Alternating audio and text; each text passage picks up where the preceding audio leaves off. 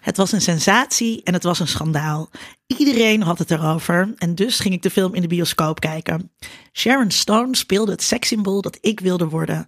Een femme fatale. Een uitdrukking waarvan ik pas toen de betekenis leerde snappen. Intelligent, ongrijpbaar, gevaarlijk. Tijdens een ondervraging door de politie kaatste ze de bal terug. Have you ever fucked on cocaine, Nick? vraagt ze aan rechercheur Michael Douglas. Dan wisselt ze haar benen en gunt ze haar ondervragers een blik in haar kruis. It's nice, zegt ze dan, terwijl ze zwoel een trekje van haar sigaret neemt. Iedereen had het over die scène, al is het mij tot op de dag van vandaag niet gelukt om haar echt tussen de benen te kijken. Basic Instinct was voor mij als puber heerlijk op het randje. Seks, drugs en een schrijfster. En Basic Instinct, zo lieten de Nederlandse media je niet vergeten, was gemaakt door een Nederlander. Een on-Nederlandse Nederlander. Eentje die het echt gemaakt had in Hollywood.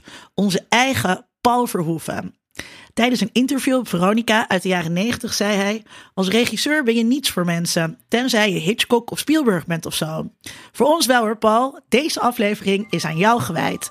Mijn naam is Linda Duits en dit is Geeky Dingen.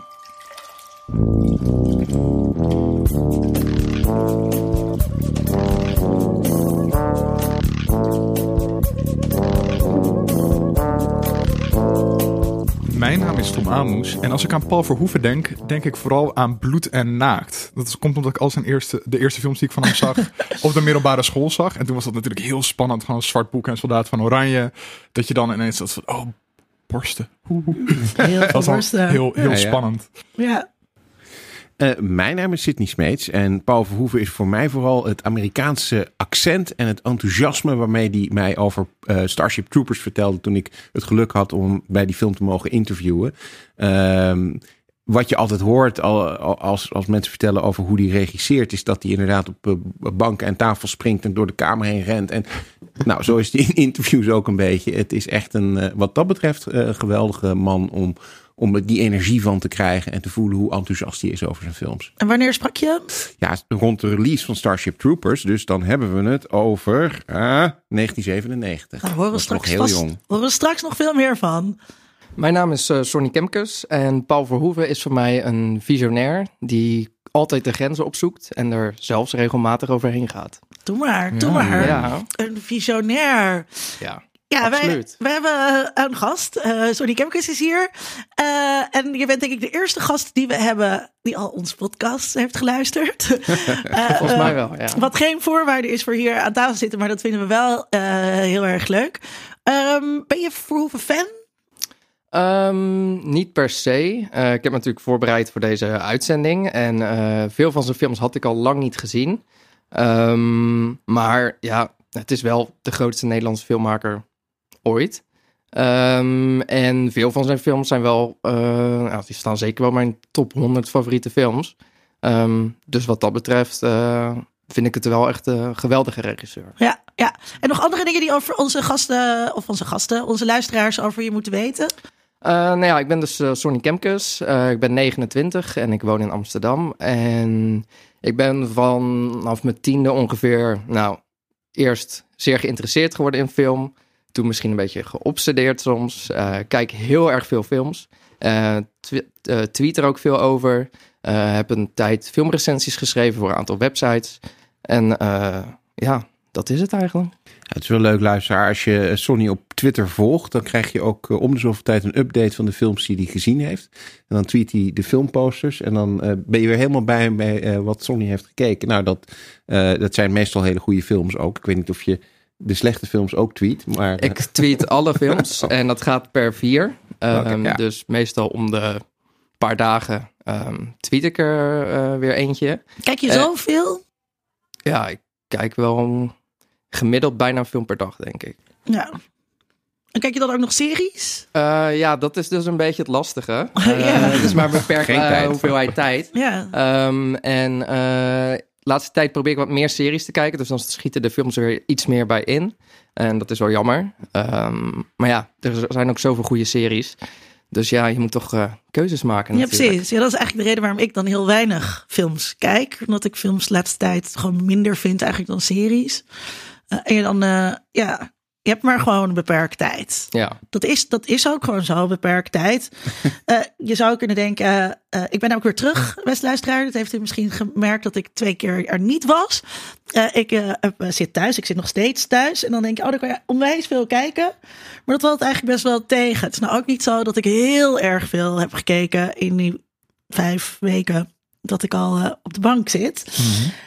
Laten we een rondje doen. Wat jullie allemaal in de geeky-wereld eh, hebben beleefd. Met wie zal ik beginnen? Eh, mag wel bij mij. Nou, doe jij er maar, Tom. De tech news site The Verge die heeft op dit moment een serie lopen die ze Better Worlds noemen. En dat is een verzameling korte sci-fi verhalen en animaties. En volgens mij doen ze ook nog iets met audio, maar daar heb ik nog niks van gehoord. Ehm, waarin ze eigenlijk een beetje tegen de grimdark tendensen van hedendaagse sci-fi in willen gaan. Ehm, dus Happy sci-fi. ja, het het hoeft niet per se in een eh, soort utopische wereld gesitueerd te zijn. Zolang er maar een soort van een zaadje van hoop is en dat technologie in plaats van ons de verdoemenis in helpt, eh, eh, iets goeds doet. Eh, en die animaties zijn vooral heel leuk, omdat ze dus, eh, het zijn drie minuten allemaal. En elke, eh, elke heeft een hele unieke animeerstijl, superleuk gedaan. Ehm, en die zijn ook allemaal gebaseerd op de korte verhalen die ze dan ook uitbrengen op de site, die je allemaal gratis kan lezen. Ehm, waaronder eentje van River Solomon. Dat is, ehm, oh, nu ben ik de naam van haar boek vergeten.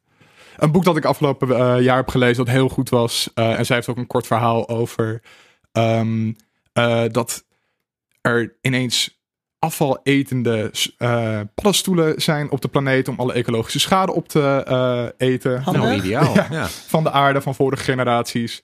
Maar de, een paar generaties daarvoor waren er ook afvaletende menselijke mutanten al. en die zijn een soort onderklasse geworden. En het is heel vaag, maar het is een heel erg lief eh, liefdesverhaal. eh, Maar is dat, is dat een heeft. soort eh, com- commentaar op een snackbarcultuur? dat we eigenlijk afval eten? Ik had laatst kipnuggets en toen dacht ik echt, waarom eet ik dit?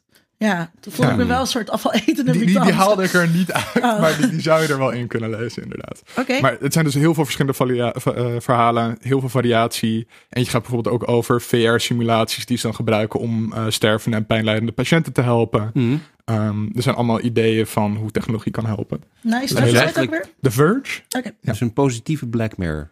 Ja, ja, eigenlijk ook. Ja. maar ja, San Junipero is de Ja, dat is enige eigenlijk- positieve Ja. aflevering van Black Mirror natuurlijk. Ja. Maar dat idee is wel heel leuk, want ja. dat, wordt niet echt vaak gedaan. serie. Ze San er- Junipero was trouwens ook, denk ik wel, van dat seizoen ook de meest favoriete aflevering van iedereen. Dus dat vind ik ook wel interessant dan. Misschien juist omdat het even een break was van al die En Ja. alle ellende. in. Ja, ja. Ja, dat was het. Ja, Ja. Oké, nou ja, ik heb eh, gekeken naar een aantal dingen. En eh, wat ik in ieder geval wilde noemen is Russian Doll. Eh, dat is een serie op Netflix. Het heeft wel wat weg van The Good Place. Maar het is één seizoen. En in dat seizoen is ook het verhaal eigenlijk wel afgerond. Het gaat over een dame die op een feestje is. en die overlijdt. En op het moment dat ze overlijdt wordt ze weer wakker op dat feestje waar ze was. En dat gebeurt iedere dag opnieuw, opnieuw, opnieuw. En, eh, Groundhog Day, las Groundhog. Day-achtig. eh, maar er zit dus ook heel, heel, heel erg een Good Place vibe in. Het is ook komisch, maar wel een stuk serieu- serieuzer dan eh The Good Place. Heel goed geacteerd. eh, actrice die onder andere ook in eh, Orange is the New Black eh, heeft eh, gespeeld. En echt wel een aanrader. En je kunt het ook heel snel kijken. Het zijn niet zulke lange afleveringen. Ik geloof 30 minuten. Eh, je kunt zo'n seizoen makkelijk eh, in een, eh, nou ja, een weekenddag kun je dat makkelijk kijken. Ehm, ja, en, en omdat ze dus doodgaat en iedere keer weer terugkomt, heeft het automatisch ook een soort sci-fi geeky-achtig iets in zich zitten. Dus dat zou ik aanraden om te kijken. En een andere serie die ik heb gekeken, ook op Netflix, is Pose.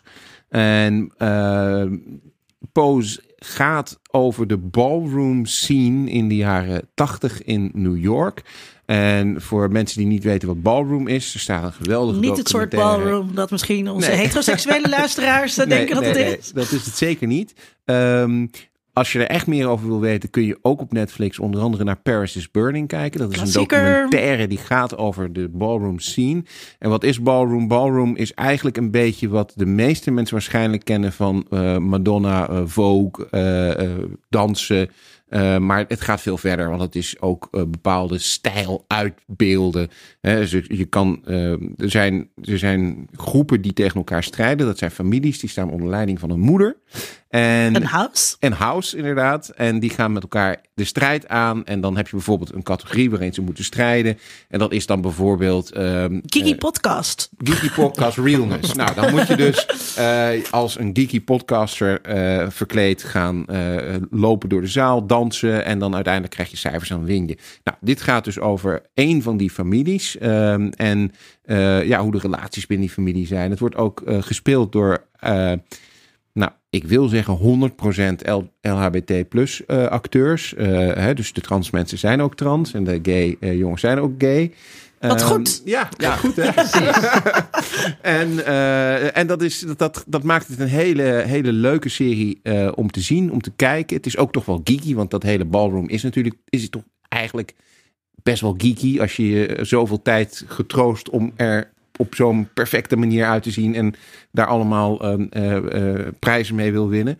Um, het acteren uh, is soms niet zo geweldig. Maar ik vind het feit dat het dus allemaal LHBT plus acteurs zijn. Mensen die zelf ook soms helemaal uit die scene komen. De ballroom scene komen. Dat compenseert al heel veel. En het acteren is soms weliswaar heel slecht, maar dat maakt het bijna gewoon campy. En, mm. en dat je denkt van nou, dit is eigenlijk ook wel heel grappig dat het zo slecht is. Ja. Um, maar ik vond een goede serie. Zeker moeite waard om, uh, om te kijken. Maar mag ik, uh, mag ik wat vragen daarover? Voordat we naar Sony gaan. Um, is het een Netflix-serie?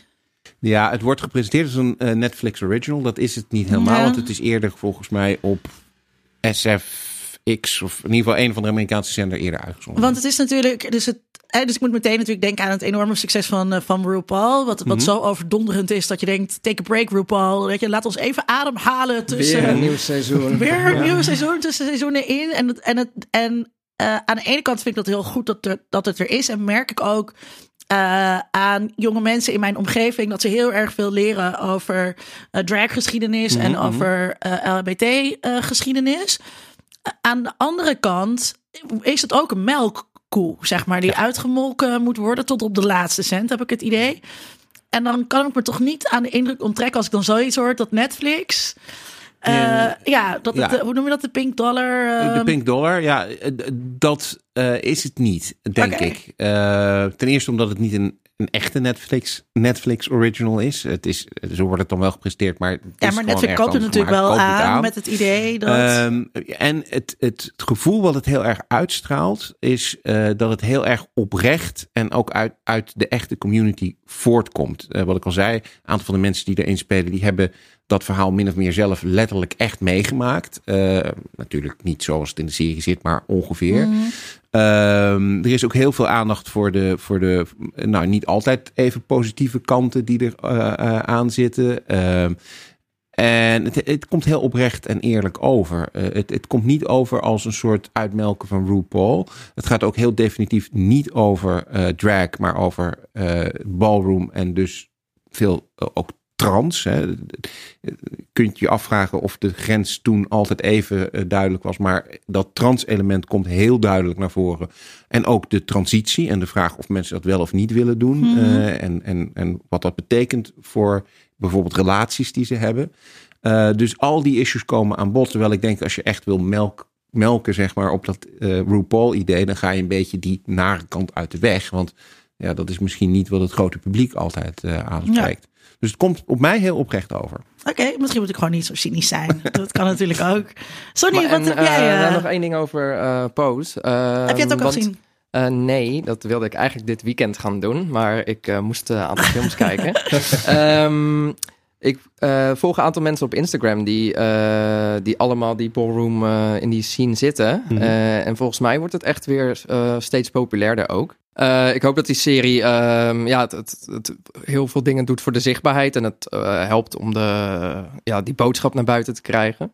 Um, dus ik heb daar goede hoop in. Ja, en wat heb, jij, eh, wat heb jij ons aan te raden? Ik heb een science fiction film gekeken. Eh, heel toepasselijk, eh, denk ik. Eh, die heet The Endless. Ehm, en ik zag op Letterboxd, dat is een website waar je de films die je kijkt bij kan houden, zag ik dat Dan Hessler Forrest hem gezien had. Nou, heb ik de naam ook maar even genoemd. Ja, Ehm, onvermijdelijke. En eh, het is geregisseerd en geschreven en geacteerd door twee broers. Even kijken, Justin Benson en Aaron Moorhead.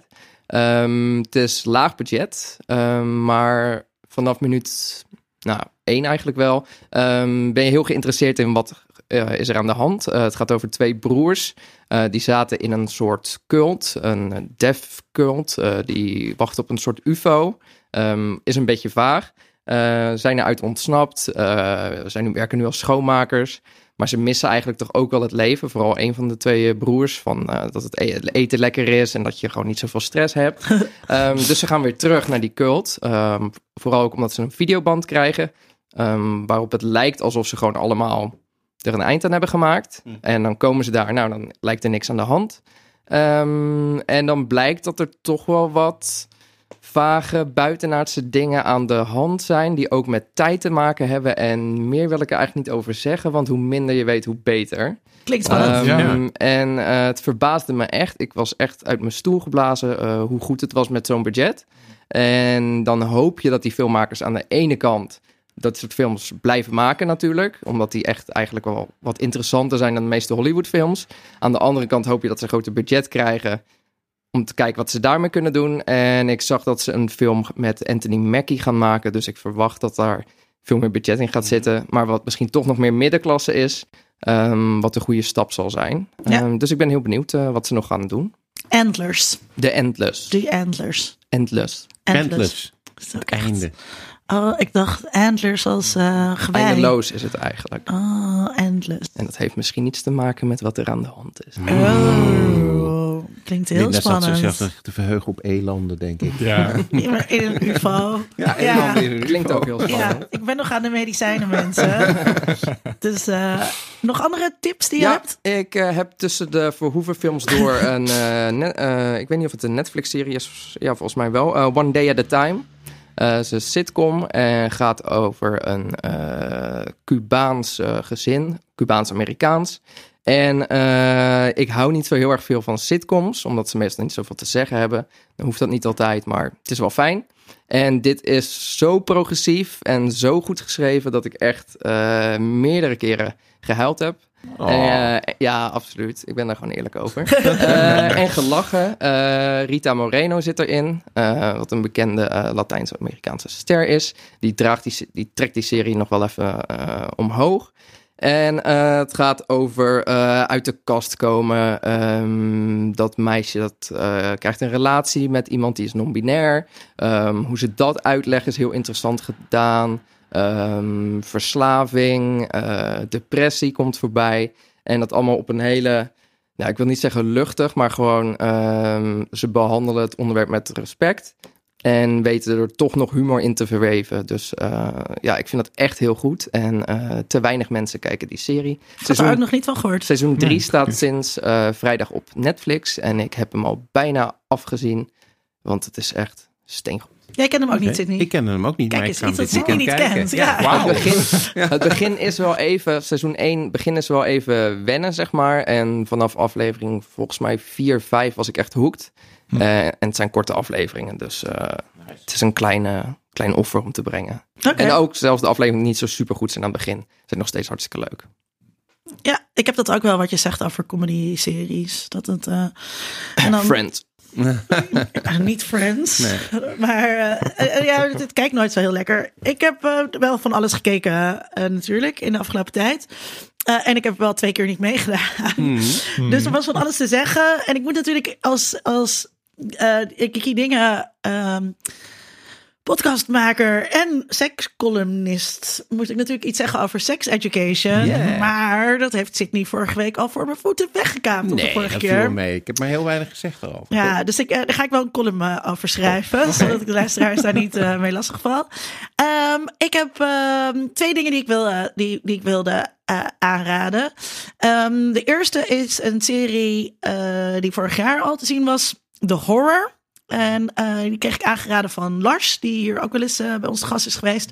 En eh, super geeky in de zin, ehm, het is een beetje fantasy-achtig, maar ook thriller en historisch. En ik hou zelf heel erg van historische series.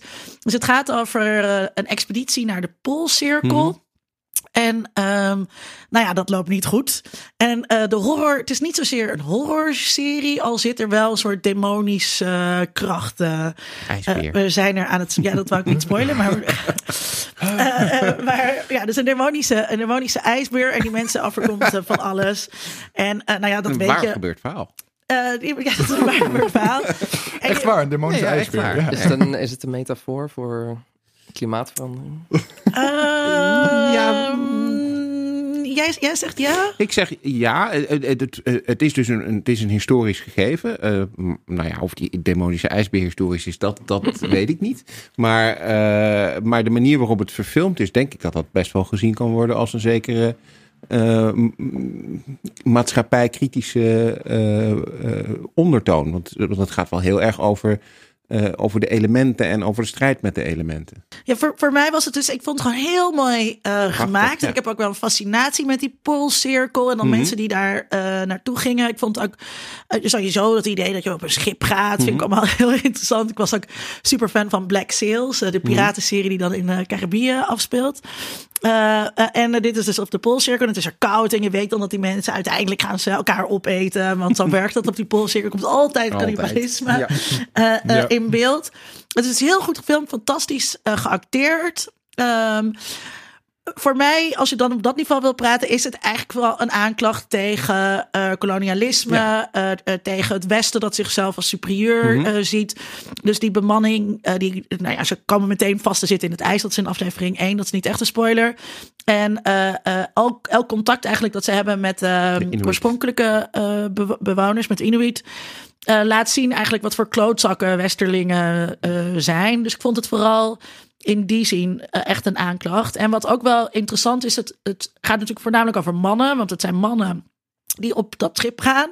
Ehm, en de weinige vrouwen die in de serie zitten, die vertolken wel hele toffe rollen. Dus ze hebben wel echt hun best gedaan om die gender eh, er toch nog op de een of andere manier in te brengen. Eh, dus ik vond het echt een aanrader, de horror. Dus, en dat verwijst naar de naam van het schip. Dat is Terror. misschien... Oh, de Terror. Ja. Ik zeg het helemaal verkeerd. De serie heet de uit. Ja, oh, wat Het schip erg. heette inderdaad de, Terror. Ja, de Terror. De serie heet dus niet de horror, maar de serie heet de Terror. Ja.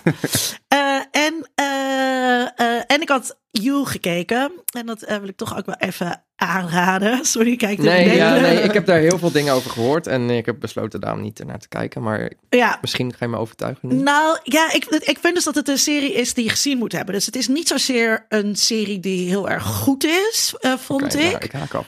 Eh, eh, het, is, het is wel aardig. En Waar het, gaat het over? Het gaat over een stalker. En, ehm, eh, dus het, ja, zo, en dus die, die kijkt dan naar You. Dus hij ziet dan een Hmm. meisje en dan begint hij tegen haar te praten. En allerlei gedachten te fantaseren over wat zij dan op dat moment doet. Van, kijk, ik doe dit omdat je wil dat ik zie dat je geen BH aan hebt. Hmm. En zo begint, daar begint het meteen mee met die stalker eh gedachte. En ehm, het is wel interessant, want ik heb wel een aantal mensen in mijn omgeving die dus eh, eh, eh, vriendjes hebben gehad. Die dus inbraken op hun laptop of op hun telefoon. En die dus last hadden van dit soort stalkers. Dus in die zin vind ik het heel interessant en denk dat mensen het moeten kijken.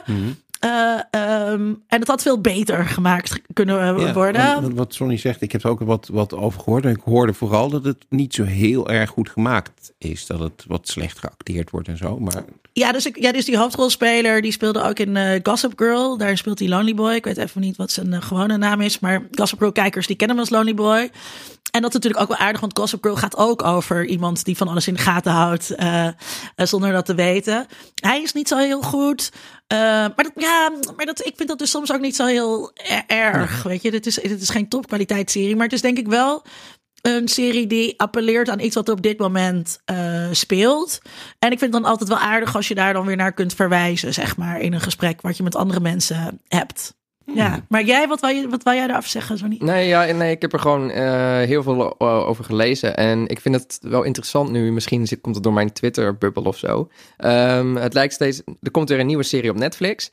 Iedereen gaat opeens allemaal tegelijk die serie kijken. En ik weet niet of dat, ja, of dat echt nu opeens een ding is of zo. Maar ik, eh, het kunnen was, het was eerst volgen. You, toen was het eh, Sex Education. Ja. ja, ik vind het heel bijzonder hoe dat Het heeft, gaat. dat heeft eh, te en maken met het maakt ook niet- algoritme natuurlijk. het maakt ook niet uit wat de kwaliteit is volgens mij per se. Als er maar genoeg buzz rond is, dan, dan gaat iedereen het wel kijken. Ja. Maar eh, ja, het lijkt me op zich toch wel interessant. Dus misschien moet Dat, ik het dat toch... was ook met Bird Box. Daar hebben we het ook al Ja. alles over gehad. Dat is ook Hmm. een- zo'n voorbeeld inderdaad van... Nou ja, eigenlijk alle critici die hebben gezegd van... Nou, het is niet zo heel best. En eh, het is gewoon heel veel bekeken. Omdat iedereen het erover nou, het, was volgens een, mij, het was een vijf, ja. volgens mij ehm, kijk, we weten heel, we- net als met alle andere algoritmen, met het algoritme van Facebook en die van Google, weten we niet hoe dat Netflix-algoritme werkt. En ehm, wat jij zegt van eh, iedereen gaat het tegelijkertijd kijken, dat komt denk ik echt omdat iedereen het tegelijkertijd heel erg gepusht krijgt. Dus je krijgt het al meteen, ik kreeg het in ieder geval echt meteen bij Ja. alle, je zet je Netflix aan en dan heb je die uitgelichte highlights, wat ook meteen aangaat, gaat meteen geluid aan, wat ik heel kut vind. Eh, en dat wordt heel erg eh, je strot in eh, geduwd. En omdat je dan toch gaat kijken, denkt het algoritme ook dat je daar ontvankelijk voor, voor bent. En we kijken natuurlijk ook wel een beetje allemaal dezelfde soort series. Want ik zit ook wel in die Twitterbubbel. Ja. Eh, en, en dat versterkt elkaar eh, dus. ja, want dan hebben drie mensen het gezien, zeg maar. En die zeggen, ah, dit is geweldig, dit moet je kijken. Ja. En dan de dag erna zijn het acht mensen. En ja, dan gaat die sneeuwbal door. En dan eh, opeens een week later ben jij de enige persoon die het nog niet gezien heeft. Ja. En ik heb het idee dat het echt meer dan vroeger Ja. is, zeg maar. En het is dus enerzijds het algoritme dat bepaalt wat je voorgeschoteld krijgt. En daarnaast heb je nu ook de trending eh, op Netflix eh, die je te zien krijgt. Wat een Ja. nieuwe categorie is die ze op je, op je homescreen zeg maar ingevoerd niet eens eh, hebben. Ja, ik waardoor heb er dat... altijd stress van. Want dan waardoor dat versterkt als dit- wordt. als dit trending is, dan, dan moet ik het ook gaan kijken, denk ik dan. Maar dat... eh, Ja, ja en, het is, niet. en, het is, en het is natuurlijk heel eh, eh, ver- vervelend, omdat je juist ook, ja, je wil niet op die manier gedreven worden. eh, de vraag is ook natuurlijk, klopt dat wat er trending is? Of maken zij het? Ja, dat weet je helemaal Ja, niet. Trending. Ze zetten het bij zoveel mensen erin, dat het in de trending, dat het daardoor weer trending wordt. Ja. Ja, en ik heb dus wel studenten die dan eh, onderzoek doen naar die, eh, naar die interface dingen van Netflix en zo. En dat is, of naar die en platformanalyse van Netflix willen doen. Eh, en, en dat is dus heel lastig, want je kunt alleen maar afgaan op wat zij dan dus individueel te zien krijgen. En het is heel moeilijk om dat te vergelijken met wat andere mensen te zien krijgen. En Netflix is er net als Facebook natuurlijk totaal niet transparant eh, over. Ja. Ja, heel verdrietig, eh, heel verdrietig is dat. Maar ik zou toch, beste luisteraar, you toch kijken, ondanks, Nee, ondanks ik, die ik, ik ga het wel proberen. Ja. Ik vind nu nog steeds heel erg dat ik eh, de horror zei in plaats van de terror. Ja, dat maakt kunnen we natuurlijk niet meer herstellen, Tom. Zal, zal ik nu gewoon overal waar je de horror zegt, de terror De in over- plakken? ja, Gewoon dat, dat over- ik het ja. zeg Dat en dat, dat, dat mijn stem erop ligt. Ja, als een soort piep of er wordt. Maar dan, ja, dat, zou, dat, zou ik wel, eh, dat zou ik wel fijn vinden.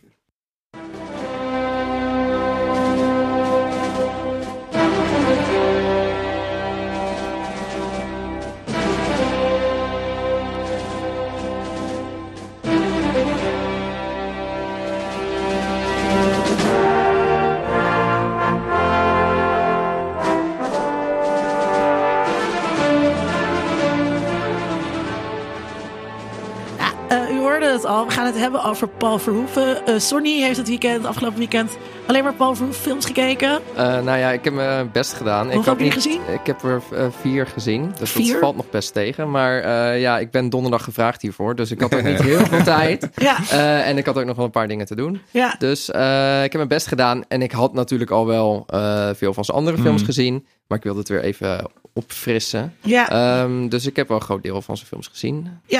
Dus, heb je ook nog een eh, marathonnetje gedaan dit weekend? Geen marathon, eh, want ik was al iets langer bezig. Met de Eh, voorbereiding? maar- met de voorbereiding. Eh, maar ik heb volgens mij nu inmiddels wel bijna alles gezien. Niet alles, want er zijn eh, een paar hele vroege dingen van hem eh, die ik niet zo heel snel kon vinden. Waarvan ik op een gegeven moment dacht, nou laat maar.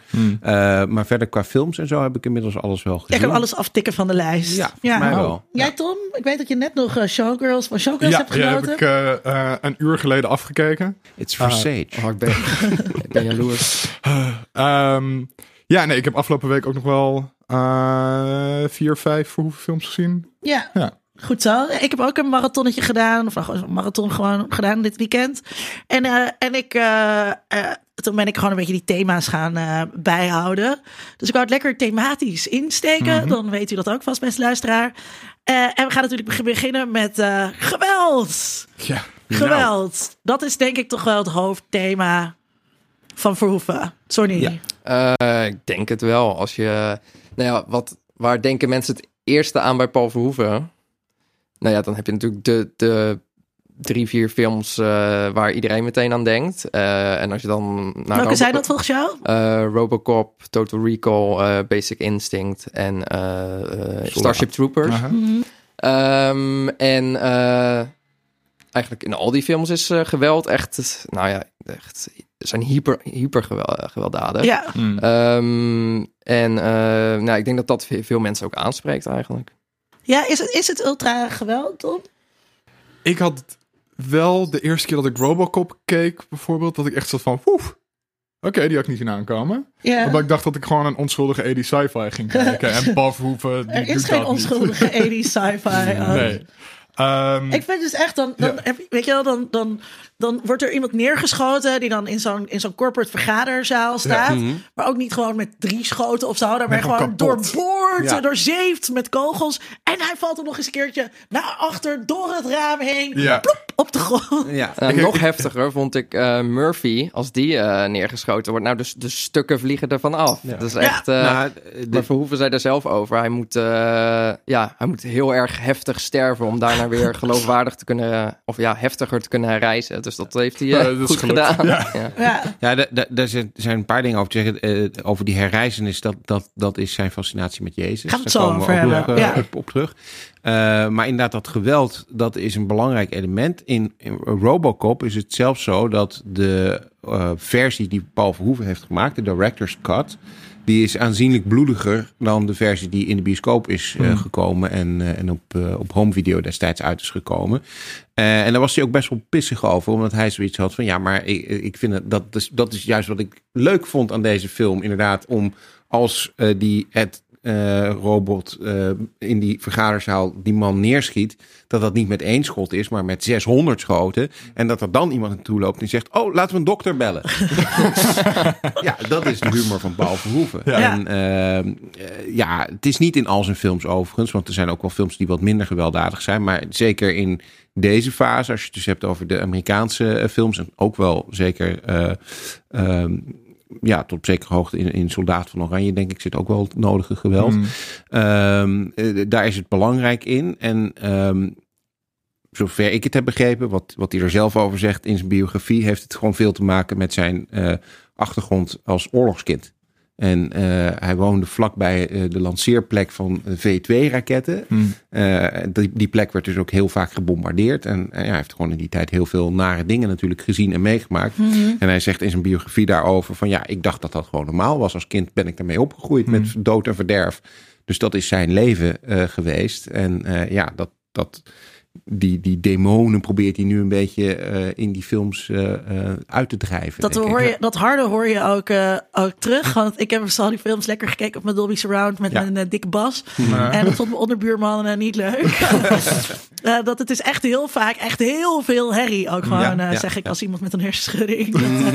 Dat, dat komt er wel doorheen. Het gaat natuurlijk ook heel vaak over de oorlog. Heel veel Ja. films ehm, spelen zich af in een oorlog. Heel veel films, ja. Eh, en ehm, ik. eh, eerst dacht ik, ja. eh, Wat ik vind dus heel erg. Bij hem is oorlog is spannend. Hmm. En eh, dat wat, wat jij zegt van, weet je, dat hij zo'n oorlogskind is. Hij presenteert het wel echt als een, als een, als een prettig avontuur. Eigenlijk niet als een Mhm. onprettig avontuur. Ja, dat vond ik ook eigenlijk- oh, sorry. Ja, eh, nee, dat, dat vond ik ook wel. dat Starship Troopers moet dan een parodie op het fascisme zijn. Ja. Mhm.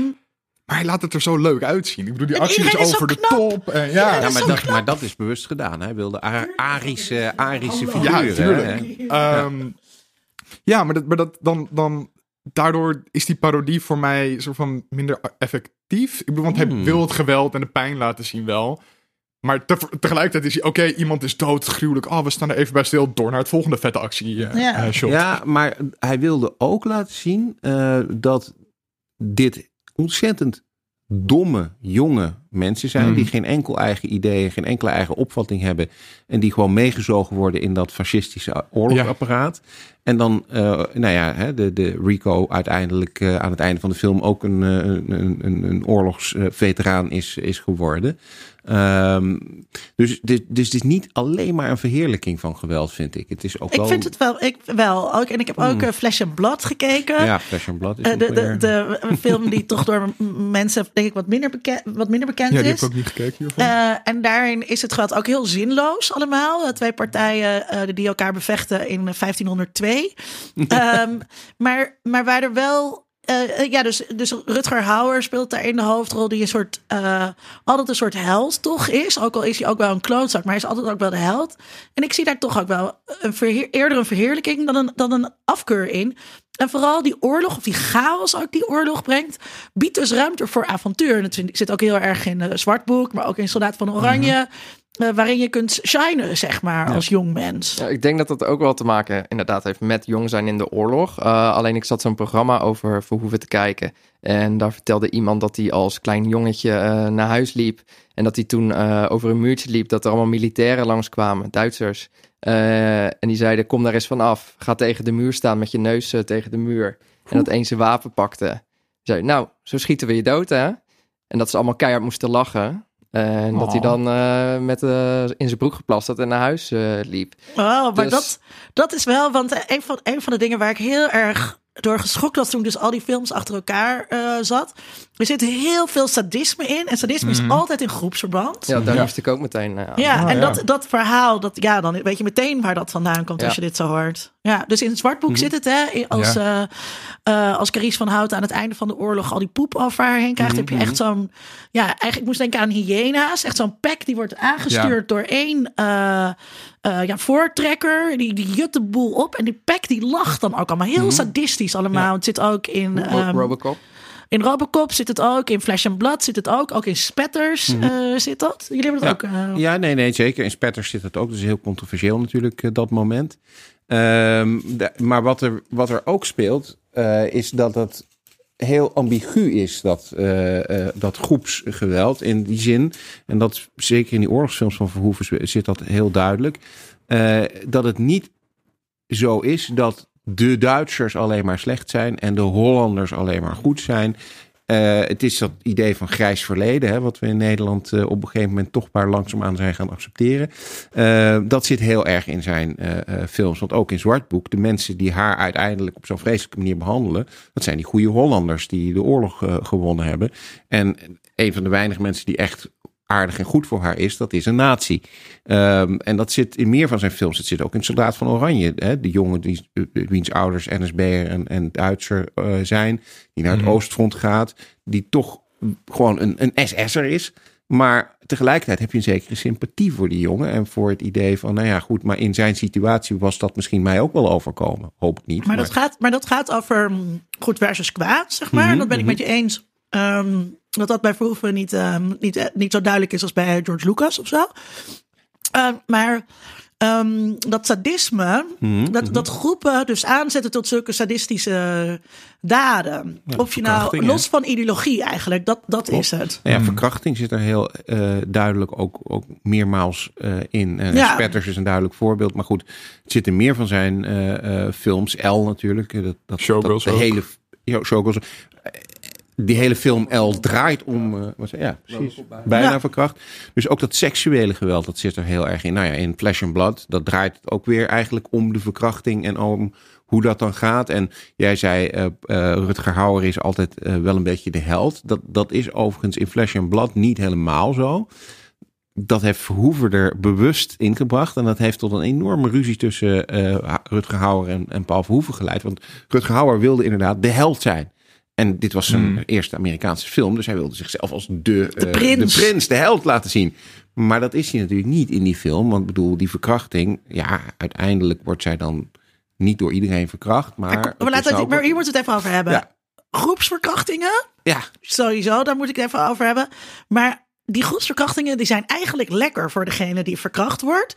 En uh, zowel in Flesh and Blood als in Spatters eindigt degene die groepsverkracht wordt met een van de verkrachters. Ja, ja, dat- in een liefdesrelatie. That ain't right. Dat is Nee, echt zeer... dat was niet goed. Nou, sterker nog, dat zit in L, in L natuurlijk ook. Nou, Eh, bij Elf vind ik het een ander verhaal. Daar Ja. moeten we het straks even over, over hebben. Maar hier zat ik echt... Ik, ik, ik, geweld vind ik allemaal prima. En heel veel seks vind ik allemaal prima. En daar kan je allemaal bij mij hartstikke goed voor aankomen. Maar dit was echt niet oké. Maar als je, ja, als je het over spetters hebt, dan was, waren de Nederlanders het er ook wel over eens. Hij is hier bijna met pek en veer het land eh, Ja. natuurlijk uitgegooid. hmm. Ja, wat ik, wat ik op basis- ik vond de film vind, vind- ja, ik, ik heb hem toen vroeger heel lang geleden niet in 1980 gezien, maar wel toen ik jong was. Eh, en ik vond de film eigenlijk best wel oké.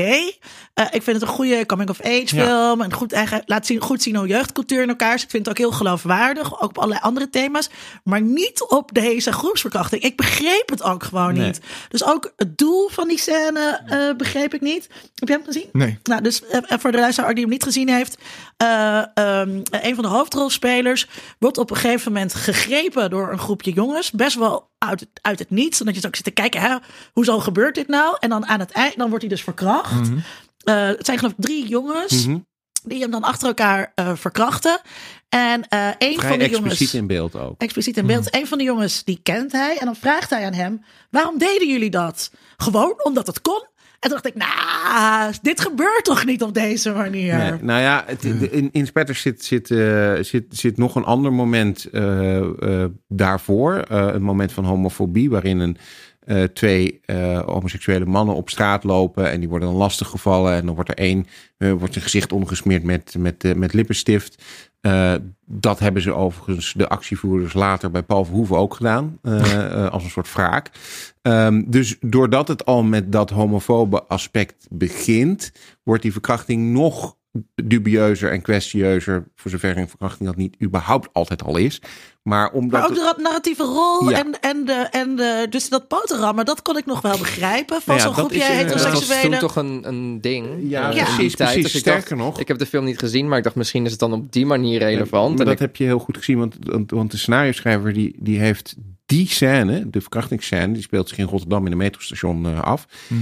Eh, komt letterlijk uit een krantenbericht. Dat is, dat, dit is dus niet eens verzonnen. Die gewoon- groepsverkrachting. Maar niet dat die, maar ook met waarom deed je dat? Ja, omdat we gewoon dat- nee, dachten dat- je bent dat- lekker en we klopt. pakken je. Dat, is het, dat klopt. Maar wel dat er dus een eh, groep homoseksuele mannen is geweest. Die poterammers, want dat is Eve in eerste instantie. Hij blijkt dan later zelf homoseksueel Mhm. te zijn. Maar eh, ja, een verkracht hebben. Maar Eh, dat had ik dan terug willen. Dan had het, klopt, dan had het ja. meer sens voor me gemaakt. Want nu was het. Het dacht ik. En, en, en dus er zit sowieso dus heel veel sadisme in. Ehm, Ja. eh, in, in, al, in al zijn films. Dat ik dus eigenlijk gewoon niet kan pla plaatsen. Ja, wat hij daar zelf altijd over zegt. Nou ja, Flesh and Blood, dat is natuurlijk de, de titel alleen al. eh, eh, geeft natuurlijk wel een beetje weer wat zijn, gen- zijn oeuvre is. En wat hij er zelf over zegt is van ja, maar zo is het leven. Hij, hij zegt dit is realiteit, dit is realisme. Het leven is ruw en gruwelijk en, en naar, vindt hij kennelijk.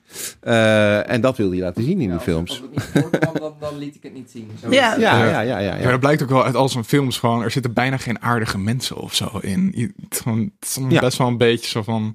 Iedereen is naar tegen elkaar. Er zijn heel veel verraders. Je kan niemand vertrouwen. Iedereen doet alles alleen maar eh, uit opportunisme en hebzucht. Ja, Mhm. dat ik met Showgirls net dat ik ook zeg van ik mag niemand in deze film. Ik vind ze allemaal stom.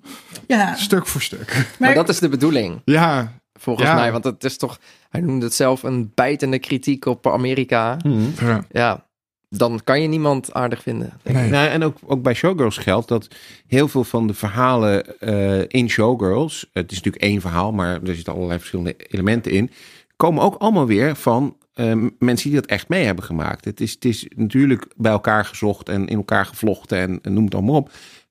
Maar bijna alles wat erin zit, heeft wel ergens een kern van waarheid in, in iets wat echt gebeurd is. En, en in die zin klopt het dus wel wat hij zegt. Van ja, dit is gewoon de werkelijkheid en die laat ik zien. Ja. Maar wat jij zegt is natuurlijk ook waar. Hij laat het wel op een bepaalde manier zien. Ja. Ja. hij heeft ooit in een interview met de BFI gezegd dat hij alleen seks filmt die hij kent. En toen dacht ik, nou, wat jij dat nu van vertelde van die Duitse Ja, soldaten eh, en dat muurtje. Dan, ik ben, dan denk ik, nou, oké, wat voor groepsverkrachting is jou overkomen? Ja, Ja, ja. of of Ja. Ben, je, ben je deelgenoot van geweest of is wat is je overkomen? Tom kijkt Hij echt. Ja. Hij- Wat wil je zeggen, Tom? even- ja, nee, niks. Nee. Nee, ik, ik las iets over alleen dat, maar dat bad. iemand eh, hem inderdaad vroeg over... Wat was het nou? Iets over eh, Basic Instinct was dat. Ehm, en dat ging dan over seks. En dan zei hij inderdaad iets in die trant. Van, ja, ik heb zoveel seks gehad. Ja, ja, ja. En, dan, en, dan, en van die studentjes die stonden zo van... van hè, wat bedoelt hij nou? Ja, Ja, ja. Ja, ik Ja, hou van neukt. seks. Ik hou van seks, zegt hij dan Ja. op zo'n Amerikaans accent. Eh, ehm, en dus, eh, eh, Maar, die, maar even ja. eh, dan Basic Instinct. eh, eh, de, ook om even bij het thema van spetters te blijven van homofobie. Dat is natuurlijk ook een ding geweest eh, bij, bij Basic Instinct. Hè? Niet, alleen eh, bij spetters waren er eh, LHBT-activisten die zeiden van nou deze film is echt heel fout.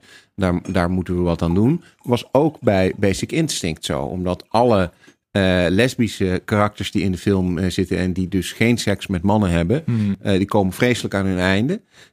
En de enige goede lesbische vrouw is natuurlijk de vrouw die eigenlijk met Michael Douglas neukt. Eh, ja, dus, eh, dus, eh, ik heb wel wat dingen gedaan met biseksualiteit. over de representatie van biseksualiteit in films. En Basic Instinct is echt zo'n dieptepunt. Eh, dus een van de tropes over biseksuelen is dat ze onbetrouwbaar zijn. Dat, Ja. dat is sowieso iets wat ook in het dagelijks leven echt gedacht wordt. En ja, dat zie je in Basic Instinct heel erg. Onbetrouwbaar. doorgaans ook nog psychopaat, zoals, zoals. Sharon Stone is. Het is, het is ik, ik, dus als, als puber vond ik die film fantastisch. Vond ik haar fantastisch. En pas veel later, zeg maar, zag ik hoe problematisch dat was. Ja, dat, dat is hetzelfde met Silence of the Lambs. Dat is, want het speelt rond diezelfde tijd. Daar was ook al veel ophef over geweest. Dat, Ja. dat heeft zeker bijgedragen aan de eh, ophef om, om rondom Basic een keertje. Instinct. Ja, Ja. maar dat, dat, ik had datzelfde. Ik vond en vind op zich nog steeds eh, eh, Silence of the Lambs een hele goede film. Niet van Verhoeven. Niet van Verhoeven inderdaad. Maar eh, het, eh, het is pas later dat je erachter komt dat daar eigenlijk natuurlijk iets heel problematisch in zit als het gaat om, om, om, trans mensen. En hetzelfde in dit geval met Basic Instinct. Eh, ja, inderdaad, toen ik als tiener die film keek, had ik dat natuurlijk totaal niet door. Ja. Ik vond het gewoon een, super spannend überhaupt om te zien. Ja.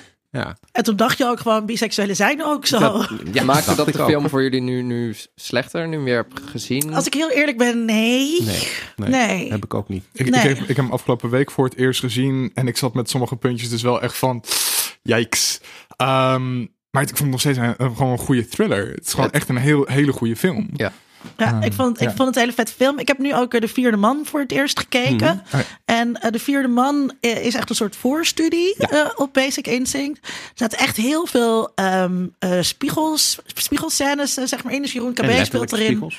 Ja, en letterlijk spiegels. En Jeroen KB speelt de hoofdrol. En hij gaat op een bepaalde manier door zijn haar. Exact zoals Michael Douglas dat doet. En René Soutendijk speelt ja, de Van Fataal. En dus hebben een aantal scènes waarin ze samen in de auto zitten. Die ook echt in Basic Instinct terugkeren. René Soutendijk lijkt in die zin ook wel een beetje op, eh, op Sharon Stone. Of andersom moet ik zeggen. Sharon Stone lijkt op... ehm, eh, op eh, René Soutendijk. Ehm, maar in de, de vierde man speelt Jeroen KB speelt Gerard Reven. En die is in de film biseksueel Ja. ook.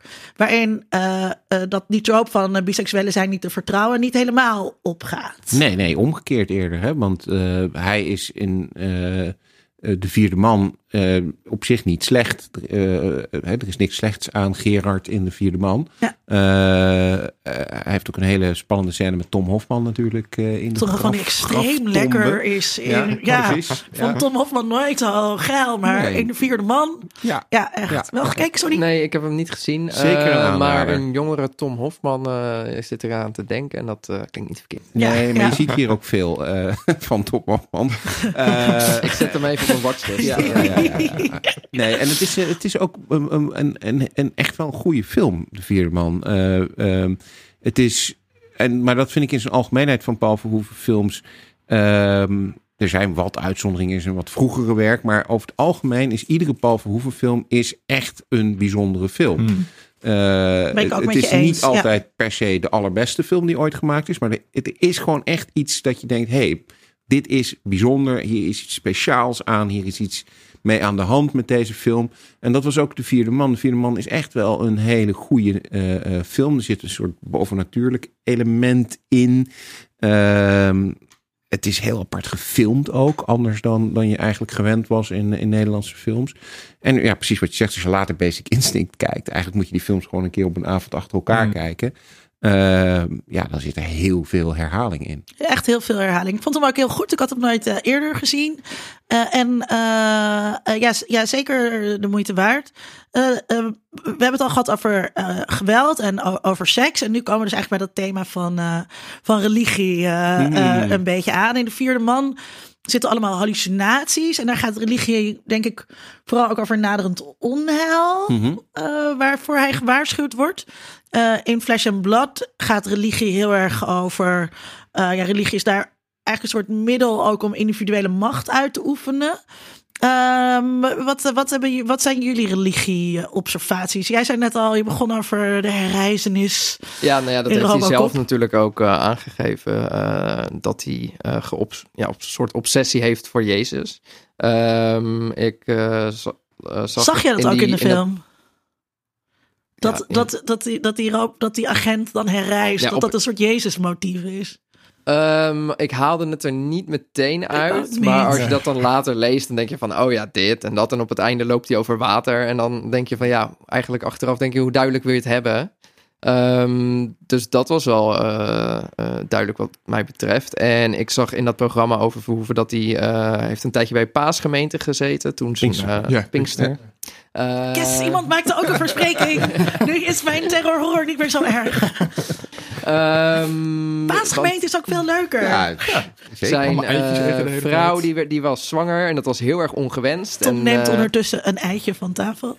Hij wist niet wat hij moest doen, dus dan ging hij maar bij die paasgemeente. En uh, toen dacht hij van nou, dit, dit voelt wel goed. en toen na een paar weken was hij weer weggegaan. Ja. Maar hij bleef gefascineerd met, met religie ja, zit, en zit vooral ook in spetters, hè? Dat, dat, dat ze naar de Pinkstergemeente toe gaan in de hoop uh, dat, dat de jongen die in de rolstoel uh, zit uh, ja, genezen wordt, wat natuurlijk niet gebeurt. Verrassing. Ja, ja die, die, nee, dat klopt. En de, die, hij heeft inderdaad een hele donkere periode meegemaakt. ja, meerdere, als je het in zijn film zo, zo ziet. Maar in ieder geval rondom die zwangerschap. Hè, zijn vrouw Martine, sowieso een heel belangrijke rol in zijn uh, leven. Zij is ook de reden dat hij überhaupt Robocop is uh, gaan maken. Want hij had het script voor Robocop gekregen en had dat meteen in de prullenbak gegooid. Omdat hij de titel alleen al te belachelijk voor woorden vond. Maar het is ook wel een belachelijk. En ja, vind uh, ik ook wel. toen heeft Martine dus die, die, die, dat script gepakt. En althans, dit is een anekdote. Uh, hmm. en, en, die is dat gaan lezen en die heeft gezegd van nou Paul, je moet er toch nog eens een keer goed naar kijken. Want dit zou nog wel eens helemaal in jouw straatje kunnen passen. En uh, dat is dus ook uiteindelijk, ja. uiteindelijk gebeurd. Met woordenboek heeft hij toen het script ja, opnieuw ja, gaan lezen. Want hij kon niet genoeg, goed genoeg Engels, om het oh, te volgen. Oh, ja. oh, wat grappig. Ik vind die Jezus-metafoor in, in Robocop, hoe meer ik erover nadenk, het is een beetje betekenisloos in de mm, film, nou, toch? Voor Verhoeven heeft dat wel uit. Maar, maar ja, goed. Je, als hij het uitlegt, ga je er anders naar kijken. Hij heeft dat wel uitgelegd. Hij zegt: dit is een Amerikaanse Jezus. En een Amerikaanse Jezus. Die schiet iedereen toch? Juist. Het is een witte Jezus. Verhoeven heeft uh, natuurlijk ook een boek over Jezus geschreven. Heeft allerlei dingen over Jezus uh, gezegd. In zijn beleving is Jezus een revolutionaire leider. Dus een soort Che Guevara. En ook iemand die de wapens opnam. Hij heeft er een hele theorie over dat in de Bijbel een aantal momenten. Het is niet echt een verrassing met, uh, met Paul Verhoeven. Nee, nee, nee, nee maar, precies, maar hij, maar hij zegt dus, ja, Jezus was in de laatste maanden van zijn leven, en dat is ook eigenlijk de reden waarom die, waarom die uh, ter dood is gebracht, was hij een revolutionaire leider die de wapens op wilde nemen en die, die, die, die te zwaard wilde gaan. En dat is wat hij met Robocop mm. Eh, doet. Het is een Amerikaanse Jezus. Nou, wat is het zwaard in Amerika? Dat zijn uh, wapens, hè, vuurwapens, pistolen. En dat is dus wat Robocop doet. En uh, hij zegt ook van ja, Robocop uh, is ook net zo iemand als, als Jezus. Want je kunt hem tot een bepaalde grens duwen. Maar als je er overheen gaat, dan gaat hij schieten. En ja, dat is een beetje not wat, my Jesus, denk ik nee. Ik, ik las een, god beter, een wetenschappelijk artikel uit de discipline van Dan Hessler Forrest, waar ik dan even zelf afstand van neem. als mediawetenschapper. Maar, uh, en, en uh, daar ging het ook over. Dus het begon met de, met de Jezus, omdat, omdat uh, Verhoeven dat zelf heeft aangegeven in Robocop. En die auteur ging kijken naar andere films waar zij dan dus ook allerlei christelijke motieven in zat. Dus dat een hele analyse over hoe in Showgirls heb je het fragment dat die twee vrouwen samen gaan eten. En dat mm -hmm. was eigenlijk een eucharistie volgens deze auteur.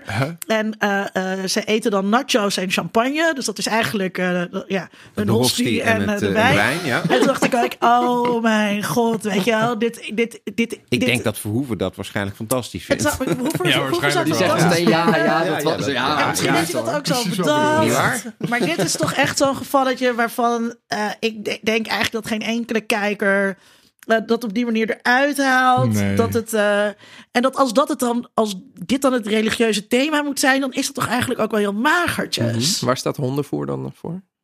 Oh, dat, nee, dat honden voor, want je moet dus eerst. Uh, ja, dat had ze dus ook oh, beschreven. Uh, oh, ja, ja, ja, okay. dat dan weet ik het natuurlijk niet meer. Maar ze, dus eerst gingen ze aan elkaar opbiechten dat ze onwaardig waren, omdat ze alle twee hmm. dingen. Nou, dat werd ook, werd ook beschreven. Ik zal een link plaatsen, uh, plaatsen in de ja. show notes. Oh. Ja, hondenvoer is ook nog een dingetje in spetters, hè? Want, oh, is het in de kroketten? In de kroketten, ja. inderdaad. Vraag je ook weer wat, uh, wat Verhoeven dan in zijn in zijn in, in zijn jeugd heeft gegeten. Maar jij hebt die biografie gelezen. Was, ja, want ik vind dus religie. Er zijn dus wel films waar de religie duidelijk in zit. Of waarin de hoofdpersonen religieus zijn. Maar in Robocop zie ik het, sorry, ik zie het echt niet. Niet, niet tekst. Ja. Nou ja, nou ja, inderdaad, als je het weet en, en die, die uitleg van hem erbij hebt, dan kun je het erin zien. En ik denk dat bij Robocop inderdaad, uh, uh, het zit er wel in, omdat Verhoeven zelf ook zegt dat hij het erin heeft bedoeld te, te, te hebben. De auteur ja, was toch dood? Ja, oké, okay, de auteur is dood, maar laat ik zo zeggen. Uh, uh, kijk, bij andere films kan het heel veel. Dus met zo'n Eucharistie, dat, dat lijkt me allemaal heel erg ver gezocht. Maar mm. bij Robocop, ja, hij heeft dat duidelijk in ieder geval wel zo bedoeld. Nou ja, what, forever that, voor wat dat ook uh, waard is. Maar werkt het voor jou, Sydney? Nou, ik kan, je, ik kan je zeker zeggen dat de eerste vier, vijf keer dat ik Robocop heb gezien, ik op geen seconde heb gedacht aan uh, Jezus of aan iets uh, religieus. Ik ja. vond het gewoon een hele gave actiefilm. Uh, en pas nadat ik had gelezen en ge gezien had in die interviews, uh, ben ik het nog eens een keer gaan kijken. En dan zie je er inderdaad wel wat in. Maar het is ook weer niet zo dat die. Ik denk, ik denk ook niet dat dat zijn bedoeling is geweest om het er zo dik bovenop te leggen dat mensen opeens gingen denken van, oh, maar we zitten nu naar de Amerikaanse Jezus te kijken. Dat is natuurlijk ook helemaal niet wat hij met zo'n film wil. Hij wil met zo'n film gewoon succes hebben en uh, geld verdienen. En de film maken die hij wil maken en zorgen dat hij weer een volgende film kan maken. Ja, en dan achteraf een beetje interessant toen eh, dat het toch over religie ging. Nou ja, hij zei, heeft gezegd er zijn drie dingen in het leven. Geweld, seks en religie. En nou, geweld en seks komt inderdaad heel duidelijk naar voren. Maar religie vind ik inderdaad wel minder. Maar dat is waarschijnlijk waarom hij nu zijn volgende film over een lesbische non aan het maken is. ja. ja.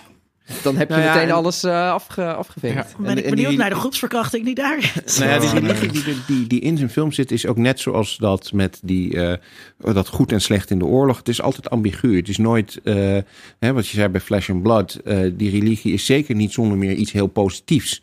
Uh, uh, en dat, dat ja, bij Robocop dan de uiteindelijke bedoeling van wel. Mm. Maar het is niet zo dat hij een hele duidelijke visie heeft op... Uh, nou, religie is fantastisch of religie is helemaal, helemaal niks. Nee. dat, dat zit nee, er niet in. Nee, het enige wat hij echt afkeurt is, afkeurt is biseksualiteit. Ja. um, ik vond klasse ook een heel overduidelijk mm. thema. Wie voor een dubbeltje geboren is, zal nooit een kwartje worden mm. in de films van Verhoeven. Vond je dat? Ah.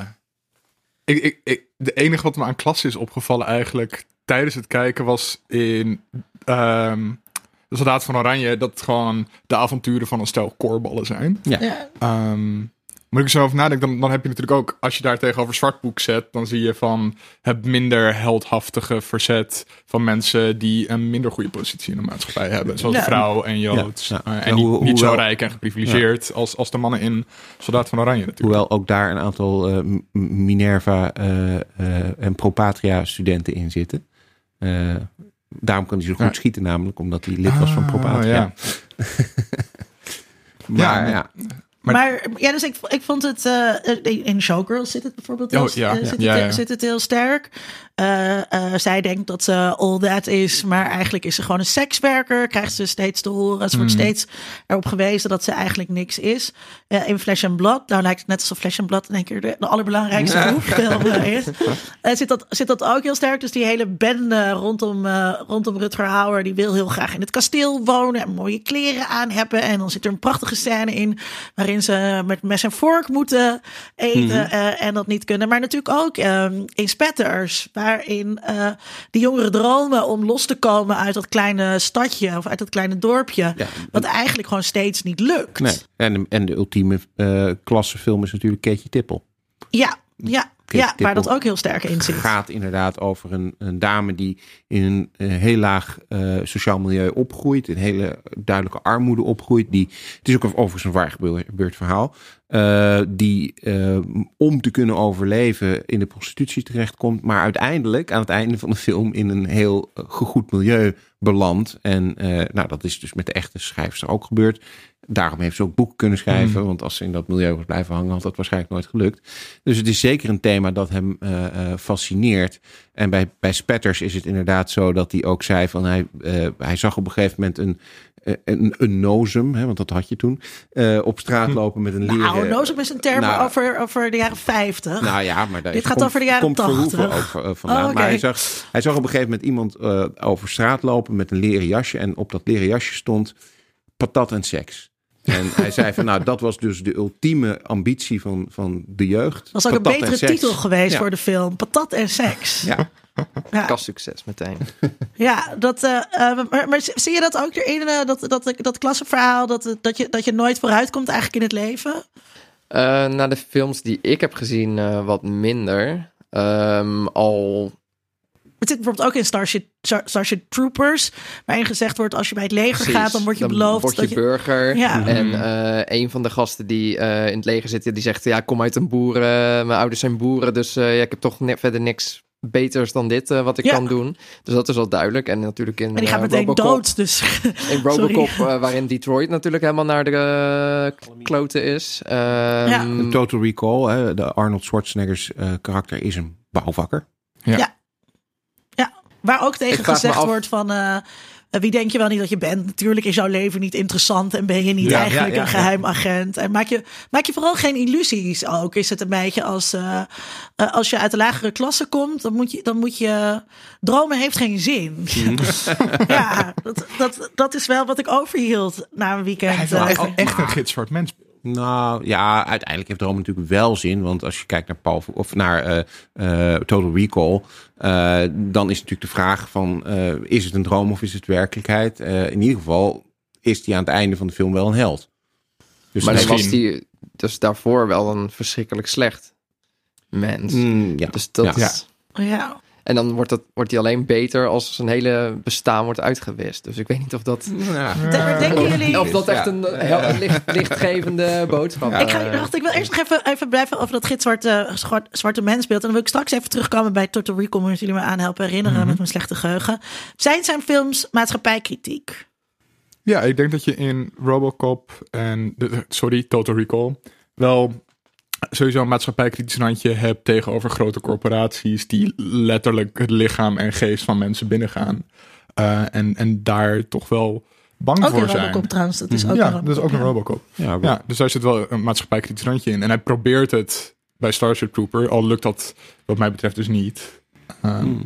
Nee, ja, zeker. De- nou ja, zijn, zijn, zijn eh, Robocop, Total Recall en eh, Starship Troopers, dat zijn natuurlijk ook films waarin eh, reclamefilms zijn verweven. Mhm. hè. Dus er zitten eh nep-reclames in. Nou, dat zijn heel duidelijk maatschappijkritische eh, stukjes in. in die, eh, ja, Nukem, een fantastisch spel. ja. Ehm, en nou ja, Robocop, de- als je kijkt naar de, de, de corporate figuren in Robocop, dat is natuurlijk Reaganomics eh, in het kwadraat. Ja. hè, de- dat, dat, dat is echt een, een, een kritiek op de juppen van die tijd. De Eh, opperbaas heet ja. ook Dick, omdat hij dik is. Subtiel. Ja, die, de- dat is ook, dat is ook een geweldige scène. We hebben het net over gehad. Hè. Die man die wordt al neergeschoten. En dan roept iemand van, ja, bel een dokter. Ja. En dan eh, loopt, loopt Dick naar zijn eh, baas toe. En dan zegt hij van, ja, It's a minor glitch. ja, en zijn baas zegt dan van... I'm very disappointed in you, Dick. Ja. Ja, dat, is- dat is Ik dat moest is heel hard humor. lachen. Ja. Ja, dat, is, dat is de humor die ik, eh, die ik echt kan waarderen. Hmm. Ja, vind je het ook maatschappijkritiek? Absoluut. Ja, Ja, eh, ja, ik vond Starship Troopers wel eh, maatschappijkritiek. Dat eh, imperialisme eh, van Amerika en militarisatie. eh, ik vond dat best duidelijk over, overkomen. Alleen ja, de recensenten van die tijd eh, hadden dat nog ook nog niet helemaal door. Ik heb eh, Roger Ebert eh, heel hoog zitten. Maar die, eh, die vond het eh, ja, vermaak voor elfjarige kinderen. Hmm. Ja. Flinterdun. Eh, ja, ik denk dat als die film vandaag uit zou komen, dat iedereen zou zeggen: Oh, wat, ja, dat fascisme scherp, dat komt ja. weer op. Hè? Een- een Oh, scherp wat, wat commentaar op het relevant. Precies. En eh, zou die film zo eh 300, 400 miljoen opbrengen waarschijnlijk. Hey, Want ik vond dat- het er nu ook nog eh, hartstikke goed uitzien trouwens. Ja, Want, verbaast maar ook. vind ik sowieso eigenlijk alle films blijven Mhm. staan. Ik vond alleen de specials in Robocop Ja, iets die, eh, minder. dat, die, eh, Dat hij naar beneden valt. Die, dat Die machine slom. ook. Klopt. ja, Die, Maar eh, die machine die... ja, die machine eh, ja, vooral. die Ja, die, ja, die was die loopt een beetje zo wankel. Ja, Ja. Die extermination droid, oftewel Ed. Ja, ja. Maar voor de rest vind ik het inderdaad heel sterk afrijnd eh blijven. Het is ook voor, eh, voor special effect gek genoeg, want Paul, Paul Verhoeven is, eh, dat zegt hij zelf ook, en dat toen hij met Robocop begon, heeft hij het ook meermaals gezegd, is eigenlijk helemaal geen regisseur die heel erg geïnteresseerd is in science fiction en geekiness. Hoewel hij dus fantastische, hele goede science fiction geeky films heeft gemaakt, is dat helemaal niet zijn ding. Eh, maar hij is dus wel genomineerd voor verschillende Oscars, ook vanwege die special effects. Onder andere in, eh, in Starship Troopers eh, genomineerd. Zelfs Hollow Man is genomineerd op een gegeven moment. Maar die specials zijn ook heel vet van Hollow Man. Ja, die zijn heel, voor die tijd heel erg goed. Trouwens, nog steeds. Nog steeds best die heel goed. Ja. Ik Als kan me die die gorilla... niet eh, heel goed herinneren, maar ging die ook niet eh, naakt een vrouw eh, bespieden? In Ja, serie? ja, ja, ja, ja. zeker. Ja. Er zit ook zeker een terug. piemel in. Ja. Ja, en dus ik, ik had het met Sydney op, op Twitter even over, want ik vond het dus, eh, het is het- zo'n van- van Paul Verhoeven marathon is één uh, zwiebelpiemel filmfeest. en eh, eh, zeker natuurlijk in alle Nederlandse films zie je zwiebelende piemels. En, en, Ehm, en rechte piemels. Eh, en in Hollow Man eh, eh, is natuurlijk Kevin Bacon is dan op een gegeven moment naakt, want hij wordt dan dus onzichtbaar. En dan zie je hem op de infraroodcamera, zie je zijn zwiebelpiemel, want die mag natuurlijk niet gewoon normaal in beeld. Dat, ja, ze zaten overal. Maar dus over die special effects, er zit een hele. Dus, dus je hebt die onzichtbare dieren en dan eh, ligt er een grote gorilla op, eh, op de operatietafel die dan in één keer dus weer zichtbaar wordt. En dat is echt heel vet. Heel eh, knap gedaan. Ja, heel ja, erg ja. mooi gedaan. Terwijl die film is ook al uit. Kijk jij eens op de Eh, lijst? dat heb ik op mijn lijst eh, staan, die ik nu net die pagina niet omgedraaid krijg. Jawel, Eh, uit 2000. Dus Ja, oh. eh, toch Ja. best al oud. En Ja. het is inderdaad heel spectaculair, maar ook niet alleen eh, dat effect. Hè, dus dat, dat, wat, wat het idee is namelijk dat zeg maar, het lichaam van zo'n dier of van, van eh, Kevin Bacon... eh, laagje voor laagje opgebouwd wordt. Dus je ziet eerst de botten verschijnen, dan de spieren. Het, Ja, ik, ik Weet het het nog weer? wel. Best wel- ja, best wel knap ik heb hem gedaan. toen gekeken inderdaad. eh, Nee. wat, ja, waarschijnlijk zoals het 2005 of zo misschien. maar Eh, ik weet nog wel dat ik hem niet zo heel goed vond. dat Ehm, vonden meer mensen. Ja. maar inderdaad, wat van die effecten, dat is me wel eh, bijgebleven. Ja. Nou ja, en ook dat effect van, van eh, de onzichtbare man. Eh, nou is het niet zo dat hij de Wat ga je dan eerste doen? Gluren? ja, ja, ja. Maar hij, hij is natuurlijk niet de eerste die een film over een onzichtbare man heeft gemaakt. Dus op zich is die, dat effect, dat is wel bekend. Maar het is wel heel goed gedaan in die film. Ja. Dat je echt op, op sommige momenten ook denkt van... hoe hebben ze dit nou gedaan? Dat, dat, dat, dat je dus inderdaad... bijvoorbeeld hij heeft een masker op op enig moment... En, en je kunt dus de binnenkant van dat masker zien. Ja, nou ja, je kunt natuurlijk allemaal voorstellen hoe dat gaat. En tegenwoordig zou het een stuk makkelijker zijn. Maar in die tijd was dat zeker Ja. behoorlijk revolutionair. Hey, iets anders dan wat jij net zei over eh, eh, recensies eh, die toen heel slecht waren. Terwijl we het nu eigenlijk best wel goede films vinden. Ja. Dat is wel een beetje story of Paul Verhoeven's life. Hmm. Eh, denk ik zo. Er zijn Ja, hij meerdere loopt films. vooruit, zeggen Ja. ze dan. Ja. Vind je ook dat hij vooruit loopt? Eh, sommige films zeker. Waar- Ja. Vooral Starship Troopers dan. Eh, Robocop is wel heel goed ontvangen toen. Eh, Basic Instinct was een kassucces. eh kan geopend. Ja, maar Soldaat Showgirls is natuurlijk... Showgirls was echt eh, het e- einde eigenlijk van zijn het- het carrière. ik vond het heel interessant. Het toont aan dat, dat je eh, als regisseur niet al te veel... Je kan wel een paar middelmatige films hebben. Of bijna slecht. Maar echt hele slechte, of die mensen heel slecht vinden, beter gezegd. Ja. En die weinig geld opbrengen. Dat zei Verhoeven zelf ook van. Je hebt pas een probleem als en de recensenten het kut vinden en het te, te weinig geld opbrengt. Eh, ja, dat je carrière dan best wel snel in eh, moeilijke vaarwater Ja, komt. eh, Dat citaat waarmee ik Dan begon. moet je weer terug naar Nederland. Dat citaat waarmee ik begon, eh, dat, wat, wat, dat zei hij dus net nadat hij iets zei over acteurs. Dus hij zei, als je Schwarzenegger bent, dan kan je wel een paar slechte films hebben, maar als regisseur Ja, eh, niet niet. Nee. Ja, dat is met zeggen. Hollow Man ook het probleem geweest. Dat, want Hollow Man heeft op zich financieel het best goed gedaan. Heeft ruim eh, terugverdiend wat het eh, gekost heeft. Maar werd toch gezien als een mislukking. Omdat het niet zo'n succes was als die andere films. En kritisch nogal eh, nou ja, afgekraakt werd. En dat was inderdaad een klap eh, waar hij op een gegeven moment van dacht: van ja, eh, sowieso vond hij Hollow Man eigenlijk een film die hij gemaakt heeft omdat hij, geen, omdat hij andere projecten die hij had, kreeg hij niet van de grond. En toen dacht hij, nou laat ik dan Hollow Man maar gaan, gaan maken. En dat is wel een thema, eh, ja, los van wat jij noemt, het thema van later her, hergewaardeerd worden. Maar ook het thema van dat hij dingen wil maken die, die, die hem niet lukken. Hij, hij krijgt het niet van de grond, de dingen die hij wil maken. En eh, nou ja, dat, dat heeft hij natuurlijk, dat heeft ervoor gezorgd dat hij naar Amerika is gegaan. Maar het heeft ook weer voor gezorgd dat hij uit Amerika weer weg is gegaan, omdat hij daar ook niet kon maken wat hij wilde. Ehm, en ja, nu is hij dus naar Frankrijk eh, eh, met L vertrokken. Ehm, eh, ik weet niet of dat helemaal de film is die hij altijd al had willen maken, maar het is in ieder geval wel een goede film. Nou wordt er, eh, zei ik in de inleiding ook, eh, heel on-Nederlands gezegd over Paul Verhoeven. Wij- We vinden het natuurlijk als Nederlanders heel tof. Al- Als de Nederlanders het maken eh, in Amerika. Kijk, Ries van Houten, Michiel Huisman eh, ook. Is, hij, is hij ook echt on-Nederlands? Of is hij eigenlijk toch gewoon best wel een kind van die tijd? Heel, ik, als je hem hoort praten, moet ik altijd aan Gert Hekma denken. Ja, ja, ja, ja, klopt. Die, die zegt klopt. ook heel vaak niet waar. En die praat Ja. ook op, zo'n op zo'nzelfde manier. Die is Mhm. ook geobsedeerd door seks en geweld. En, eh, en dat allemaal. Is, hij- ja, is hij dus niet juist heel typisch eigenlijk voor de tijd waarin hij geboren is? eh, die heel, heel bewust op een bepaalde manier de seksuele revolutie heeft meegemaakt. Die die oorlog dus veel bewuster heeft meegemaakt dan de babyboomers zelf. Ehm, ja, Als ik denk aan wat, wat ik soort van typische Nederlandse films vind, die zijn wel allemaal naar het model van Paul Verhoeven, denk ik. Ehm, en dan moet ik vooral denken aan de films die ik dus op de middelbare school bij Nederlands les heb gekeken. Dat waren allemaal films waarin gevloekt werd en er was naakt en seks. zwiebelpiemels. Siebelpiemels. Eh, dat was ook gewoon allemaal een beetje naar het model van wat Verhoeven deed. Zij heeft dan de Ehm, standaard gezet. Lij- lijkt het wel op. En zelfs zijn Amerikaanse films zijn, doen daardoor dus denk ik Nederlandser aan dan Amerikaanser soms. Ja. Uh, films doordat ze dus heel Nederlands, ja. Nederlands zijn. Omdat hij dat model voor Nederlandse Ja. films heeft gemaakt. Ja, zeker. En eh, het is natuurlijk ook niet voor niets dat, dat eh, Turks Fruit de meest succesvolle Nederlandse film eh, ooit is. Dat is nooit meer geëvenaard. 3, zoveel miljoen eh, bezoekers heeft dat opgeleverd. Andere films van hem ook. Ik bedoel, Spetters was geen eh, succes financieel, omdat het uiteindelijk niet helemaal heeft opgeleverd. Maar er gingen wel veel mensen naartoe. Kees Tippel gingen veel mensen naartoe. Hij heeft twee Eh, keer de duurste film van Nederland Ja, gemaakt. precies.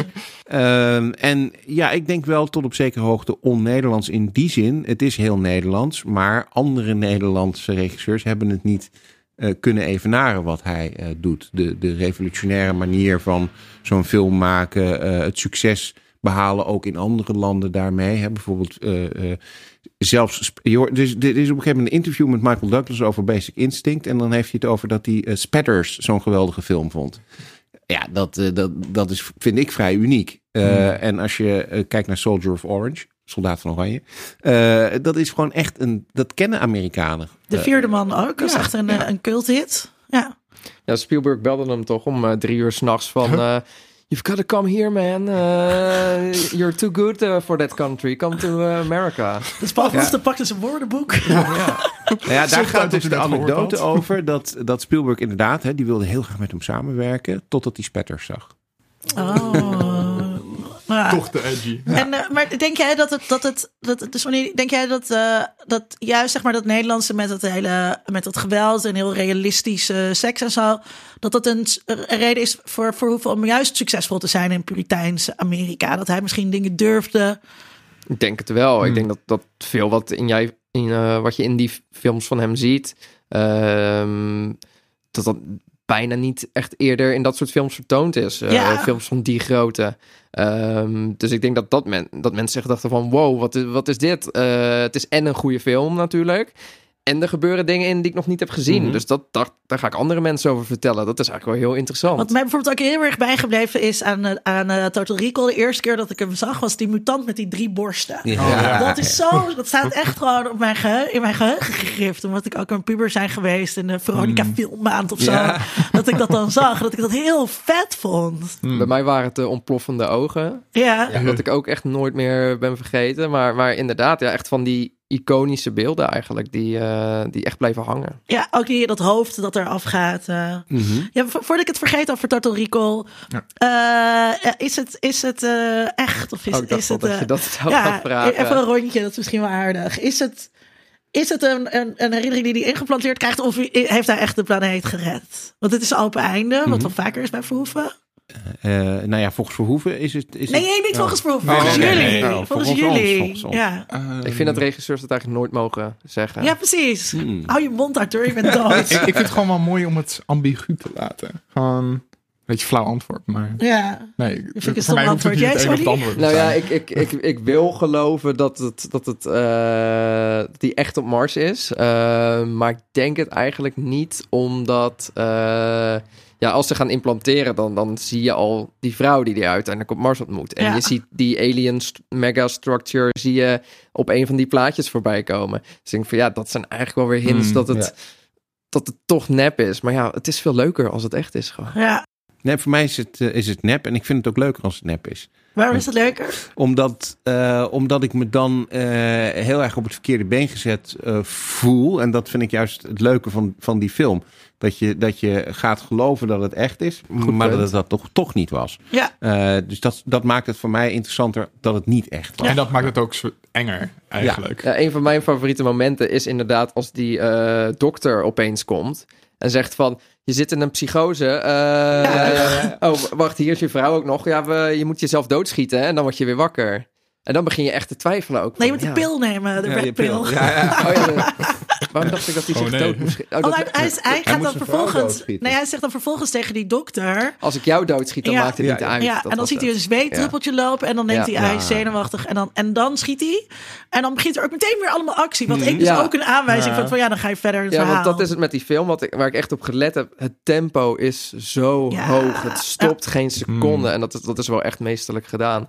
Maar inderdaad, er zijn meerdere momenten waarop hij een keus maakt. Mhm. En die keus triggert meteen heel veel dingen die gebeuren. Ja. En waardoor ik eigenlijk ook dacht van ja, maar dat kan game, eigenlijk. Precies, ja, net als precies. in een Het is- zijn, het zijn quicktime events en dan eh, ga je door eh, naar de volgende rail waar je Precies, dingen ja. moet doen. Ja, Wat het- jij zegt over... oh, sorry. Ja, nou ja, ik wilde nog. Oh, je wilde hier nog op, op Total Recall eh, door. Nee, ik, Oh, nee, ik wou verder Nou, nee, ik wou zeggen dat dat, dat, eh, dat idee van Paul Verhoeven, die dus inderdaad bijna on-Nederlandse kwaliteit van dingen maakt, eh, dat, dat had hij natuurlijk al vrij vroeg ook met Floris. We gaan het niet te lang over Floris hebben, maar we hadden een twitteraar die zei van, ja, jullie moeten het over Floris hebben. Nou, daar zijn we denk ik allemaal net iets te jong eh, voor Vond het niet leuk. helemaal meegekregen te hebben.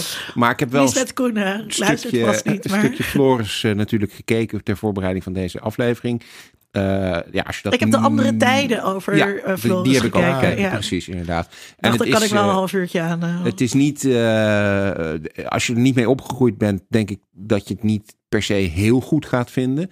Maar je ziet wel dat het eh, ja, wat, wat grootser allemaal is dan je gewend bent van inderdaad Pipo de Clown of iets dergelijks. Hmm. Wat wel nog herhaald werd toen ik eh, klein eh, was.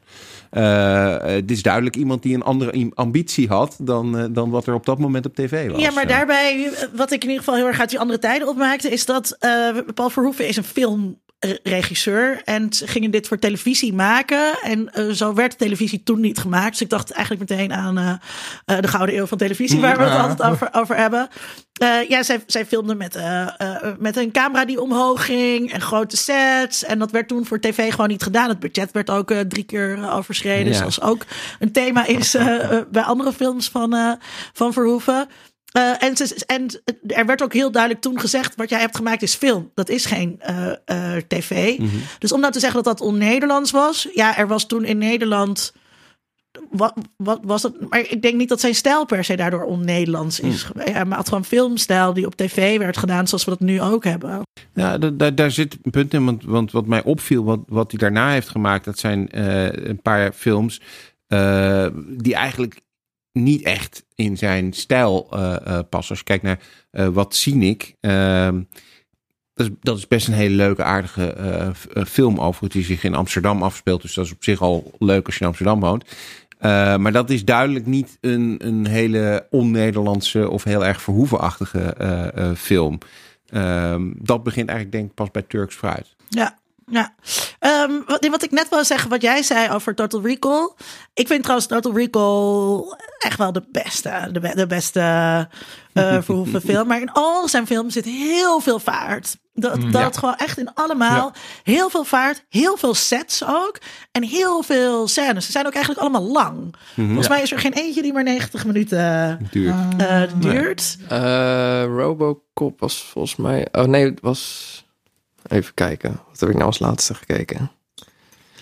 Eh, Ja, nou ja, ja, maar, dus ik- geval- Eh, maar ze zijn allemaal echt fast-paced. Ja. En, en dat geeft ook het gevoel dat je dat, dat, het, dat, dat maakt het ook zo goed om naar te kijken. Dat het echt. eh, Ik, ik zat ook tegen te denken dat, dat ze niet allemaal zo'n typische narratieve structuur hebben. Bijvoorbeeld, Mhm. Zwartboek hangt aan elkaar van toevalligheden. Ja. En iemand komt iemand tegen en toevallig gaat een pistool niet af. En Mhm. het, het gaat maar door en het gaat maar door en het gaat maar door. En het- tegen het einde van die 2,5 uur zit ik op een gegeven moment van...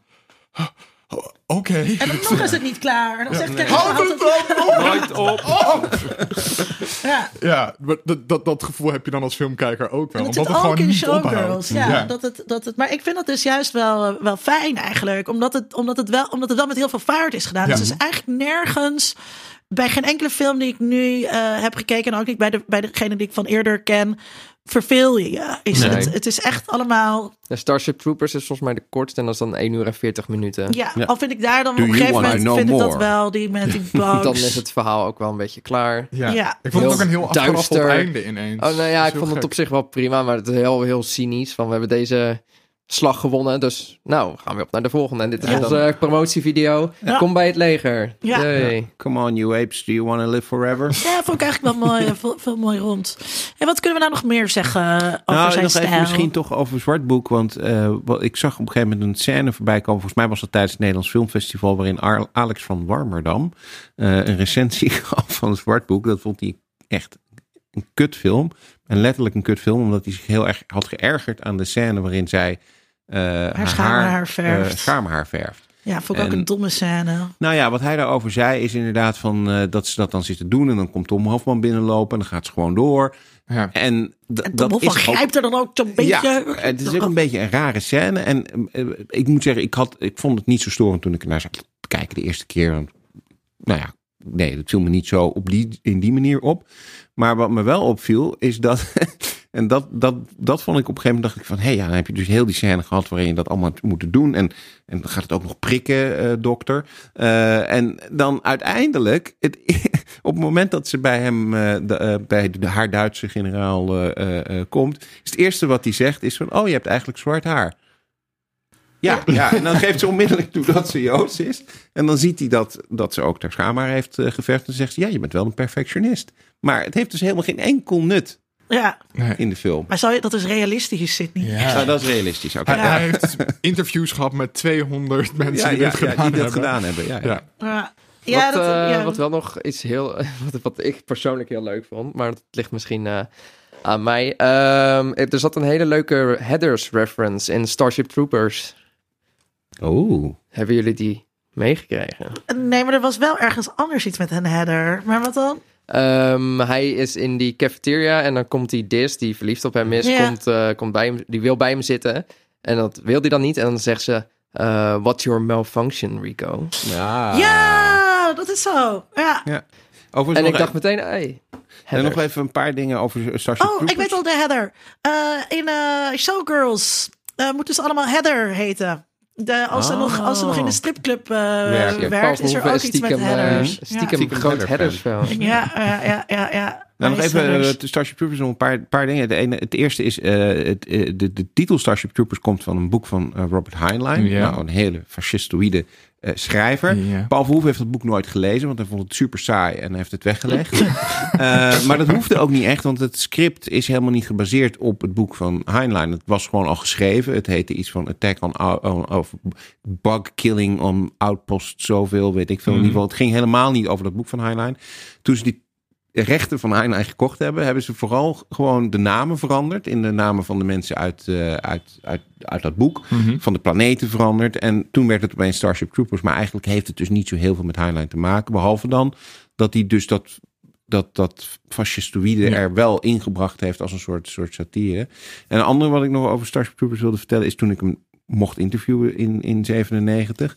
Eh, toen was een van de dingen die hij vertelde, want er zit een scène in Starship Troopers waarin eh, de mannen en de vrouwen eh, gezamenlijk aan het douchen zijn en iedereen is naakt. Ook weer een heel erg verhoevenachtig Mhm. iets. En daar vertelde hij dus. Ik moest van- gewoon denken aan korfbal. Ja, oh ja, oké. of korfbal. Of Sorry. verhoeven of korfbal. Heel maar, Nederlands Ja. ja. dus. Ja. En, eh, Net wat- als mijn korfbalgrap, sorry. wat hij dus vertelde daarover is dat eh, eh, dat best wel een spannende dag was op de scène. Want al die acteurs, vrij jonge acteurs, die Mhm. moesten allemaal de kleren uit de kleren en die moesten samen douchen. En dat hij toen gezegd heeft van nou weet je wat, ik ga zelf ook naakt. Dus hij heeft die scène naakt ge- gedraaid. En toen keek ik later en, en toen dacht ik, ik dacht toen, toen ik dat met hem besprak, toen dacht ik van nou, dat vind ik eigenlijk heel, heel tof dat je dat dan doet en dat je voor je acteurs dat over hebt. Later zag ik een interview met Michael Douglas, die dus een seksscène met Sharon Stone moest opnemen in Basic Instinct. En waar dus ook een gesprekje was van, ja, jullie gaan zo maar een hele Hmm. seksscène opnemen. En Michael Douglas die zei van, ja, en Paul, Paul die zei toen van, ja, als je het makkelijker vindt, dan ga ik ook wel naakt. Dus kennelijk houdt hij heel erg van naakt filmen. Dat verbaast me Ik niks. vind dat in deze tijd, als je dat soort dingen hoort, dan, dan Ja, vind dat ik dat wel toch een een beetje hè? naar. En zeker Ja. omdat Michael Douglas ook zei van, nou, volgens mij was hij verliefd op Sharon Stone. En toen zei Paul Verhoeven, ja, ik word ook, eh, of wie was dat? Een van de acteurs die had geregisseerd zei, volgens mij wordt hij altijd verliefd op, op zijn hoofdrolspelers. Eh, en Ik heb mij gewoon heel veel seks gehad, nietwaar? Precies, volgens mij zei Chris van Houten daar ook iets over, maar ik vind het allemaal een hele lieve man. Maar ik vind dat toch een- net een beetje, eh, dat je met je kast naakt gaat, ga- gaat douchen. Eh, er is een, een machtsstructuur en dat, dat, Ja, maar dat is ook wel dat gewoon niet hoe, hoe graag hij als een actrice naakt heeft natuurlijk. Dan Ja. merk je dat al wel een beetje. Het is ook een beetje misschien een, ja, ja goed. Ik- Een vies mannetje. Ja, dat, dat, wilde ik dat is eigenlijk wat Alex, zeggen. Alex van Warmerdam inderdaad zei. Hij zei, Ja. ja, Zwartboek is gewoon een, een stomme film gemaakt door twee vieze oude mannetjes. En we hebben het nog niet gehad over zijn eh, gigantische woede-uitbarstingen. hè? Oh, Ja, klopt. is dat een ding? Eh, nou ja, Peter Weller die, die is ontslagen eh, op de set van Robocop. Ehm, want dat pak dat was eerst afgekeurd. Of hij was eerst afgekeurd, toen kwam er een nieuw pak. En nou, dat was helemaal niks. Dus toen hebben ze weer dat eerste pak. En hij vond het allemaal zoveel gedoe en gezeur. En eh, nou ja, dat werden flinke discussies. Ehm, dat hij toen ontslagen is. Maar dat kon eigenlijk niet, want niemand anders kon dat eh, pak aan. Eh, ze zochten toen acteurs met dezelfde schoenmaat. Eh, en dat was de enige eh, vereiste. Ehm, ja, toen kwam hij weer terug en toen is uiteindelijk al- alles weer goed gekomen. Maar die, die discussies met de acteurs, eh, die trillend in een, eh, uit een hokje kwamen na een eh, scheldkanonade van Verhoeven, zijn. eh, Dat is niet prettig Bekend. als Verhoeven Nee. daar naakt schreeuwend staat. Nee, maar dat is gepassioneerd. Ja, ja, nee, maar dat zijn inderdaad bekende verhalen dat hij dat die enorm uit zijn plaat kan gaan. Ehm, en eh, eh, ja, van alle films die hij op heeft genomen zijn van dat soort anekdotes inderdaad. Dat, eh, dat, er, dat er momenten zijn dat hij helemaal doordraait en gaat schreeuwen en gaat schelden. En dan vind ik dat van het naken te filmen dan ook een heel stuk minder prettig. Ja. ja. Hmm. Maar, ja, Ja. hij, biedt wel vaak zijn excuus eh, Ja. aan. Nou. daarachter- Ja, daarna. goed. super sympathiek. Ja. En je ziet het in, een in een interview eh, op tv, dan gaat het over spetters. En dan zegt ook eh, die interviewer, die, die stelt een aantal vragen, maar dan zegt hij waarschijnlijk iets anders dan eerst. En je ziet hem echt uit zijn vel springen. Dat is echt, ik denk van, oh, oké, dit is dus die persoon waar iedereen, iedereen het over heeft, wat op die, die op die sets eh, soms rondloopt. Ja, En dat is wel echt een hele andere kant, die je eigenlijk dus eh, bijna nooit openbaar ziet. Hmm. niet in die interviews. Wat kunnen we nog meer zeggen over, over zijn eh, stijl? Over zijn stijl van filmen? Eh, nou ja, hij is visionair genoemd. Hij is ook de Sultan of wat was het ook weer? Shock. Shock genoemd. Eh, en dat klopt ook wel, denk ik. Hij is, hij, ik denk dat hij visionair eh, is. Ehm, eh, en de Sultan of Shock, dat klopt ook wel. Want ik denk dat een van zijn visies namelijk is dat die mensen altijd eh, oncomfortabel wil maken of wil confronteren met iets wat ze niet eerder hebben gezien of even op, op een verkeerd been wil, wil zetten. En dat doet hij, vind ik, op een hele goede, slimme manier, waardoor het niet per se, hè, bijvoorbeeld Turks fruit, daar zitten natuurlijk een aantal hele, eh, eh, nou ja, zeg maar gewoon vieze eh, scènes Maar dat komt ook in. door Jan Wolkers. Het komt ook door Jan Wolkers, inderdaad. Ehm, en toch is het ook niet zo dat je denkt van... oh, maar nu zit ik alleen maar naar iets heel vies te kijken... wat me alleen maar choqueert. Nee, het is ook gewoon wel goed gemaakt en goed, goed gedraaid. Ehm, eh, en dat, dat is denk ik zijn stijl. Zijn stijl is visionair en chockerend. Ik vind het dus helemaal niet chockerend. Dus ik begon Maar jij dus bent over... Nederlands, Linda. Ja, maar dus ik begon over... En dus dat ik, toen ik basic... Godverdomme. Domme. Dus toen ik Basic Instinct als puber zag, vond ik dat wel een, een toffe film en een beetje op het randje eh, eh, voor mij. Dus wel spannend, maar zeker niet eh, chockerend. En ik ben natuurlijk opgegroeid met al die zwiebelpiemels in Nederlandse films Ja. en met de boeken van Wolkers en van Reven. En Mhm, ehm, eh, ja, vind, vond jij, vind jij hem chockerend? Ehm, nou ja, bent ook ik, ik- ik- kijk, ik, ik, ik, ik heb genoeg dingen gezien dat, dat weinig dingen mij meer chockeren of zo. Ik, als ik een horrorfilm kijk, dan vind ik ook bijna niks meer eng. Ja. Ehm, dus wat dat betreft niet. Maar kijk ik er meer film- naar in de tijdsgeest, zeg maar. Dan vond ik Basic Instinct best wel heftig. Mhm. En nou ben ik niet echt een fan van erotische thrillers, dus dan, die kijk ik dan niet zo heel vaak. Hmm. Eh, was thuis ook met mijn ouders vaak niet echt eh, Nee. het genre eh, waar je voor ging. Ook al waren er wel een aantal en wat dus ongemakkelijke momenten eh opleefd. Dus dan keek ik bijvoorbeeld Showgirls een keer met mijn moeder. Dat was bijzonder. Wat dan? Eh, Vertel, of is dat niet geschikt voor de podcast? Oh ja, wel hoor. Ik werd gewoon, ik zat daar gewoon, weet je, ik was 12 of zo. En eh zat er maar gewoon met een rood hoofd. eh eh, Mulholland Drive, trouwens ook een goede film om niet met je Niet met moeder je te kijken. Ja, ja. Eh, maar ik vond het, ja, het geweld is wel heftig. ehm, Maar en voor die tijd. Ik heb jij Ja, al weet je, ik denk niet dat film- mensen echt de, de zaal eh, boos uitlopen of zo. Nee. Nee, Dus dat zo, denk ik zo ver gaat dat het is- niet. Dat bedoel ik ook. Dus, hè, de- van, van, het is, het is weet volgens wat mij hij wel kan doen, maar wel op een manier dat je het blijft, blijft kijken. Het is niet, we hebben wat ik net ook even over Turks fruit zei. Het is niet zo dat je inderdaad denkt van, goh, wat vies, ik hoef dat allemaal niet meer te zien.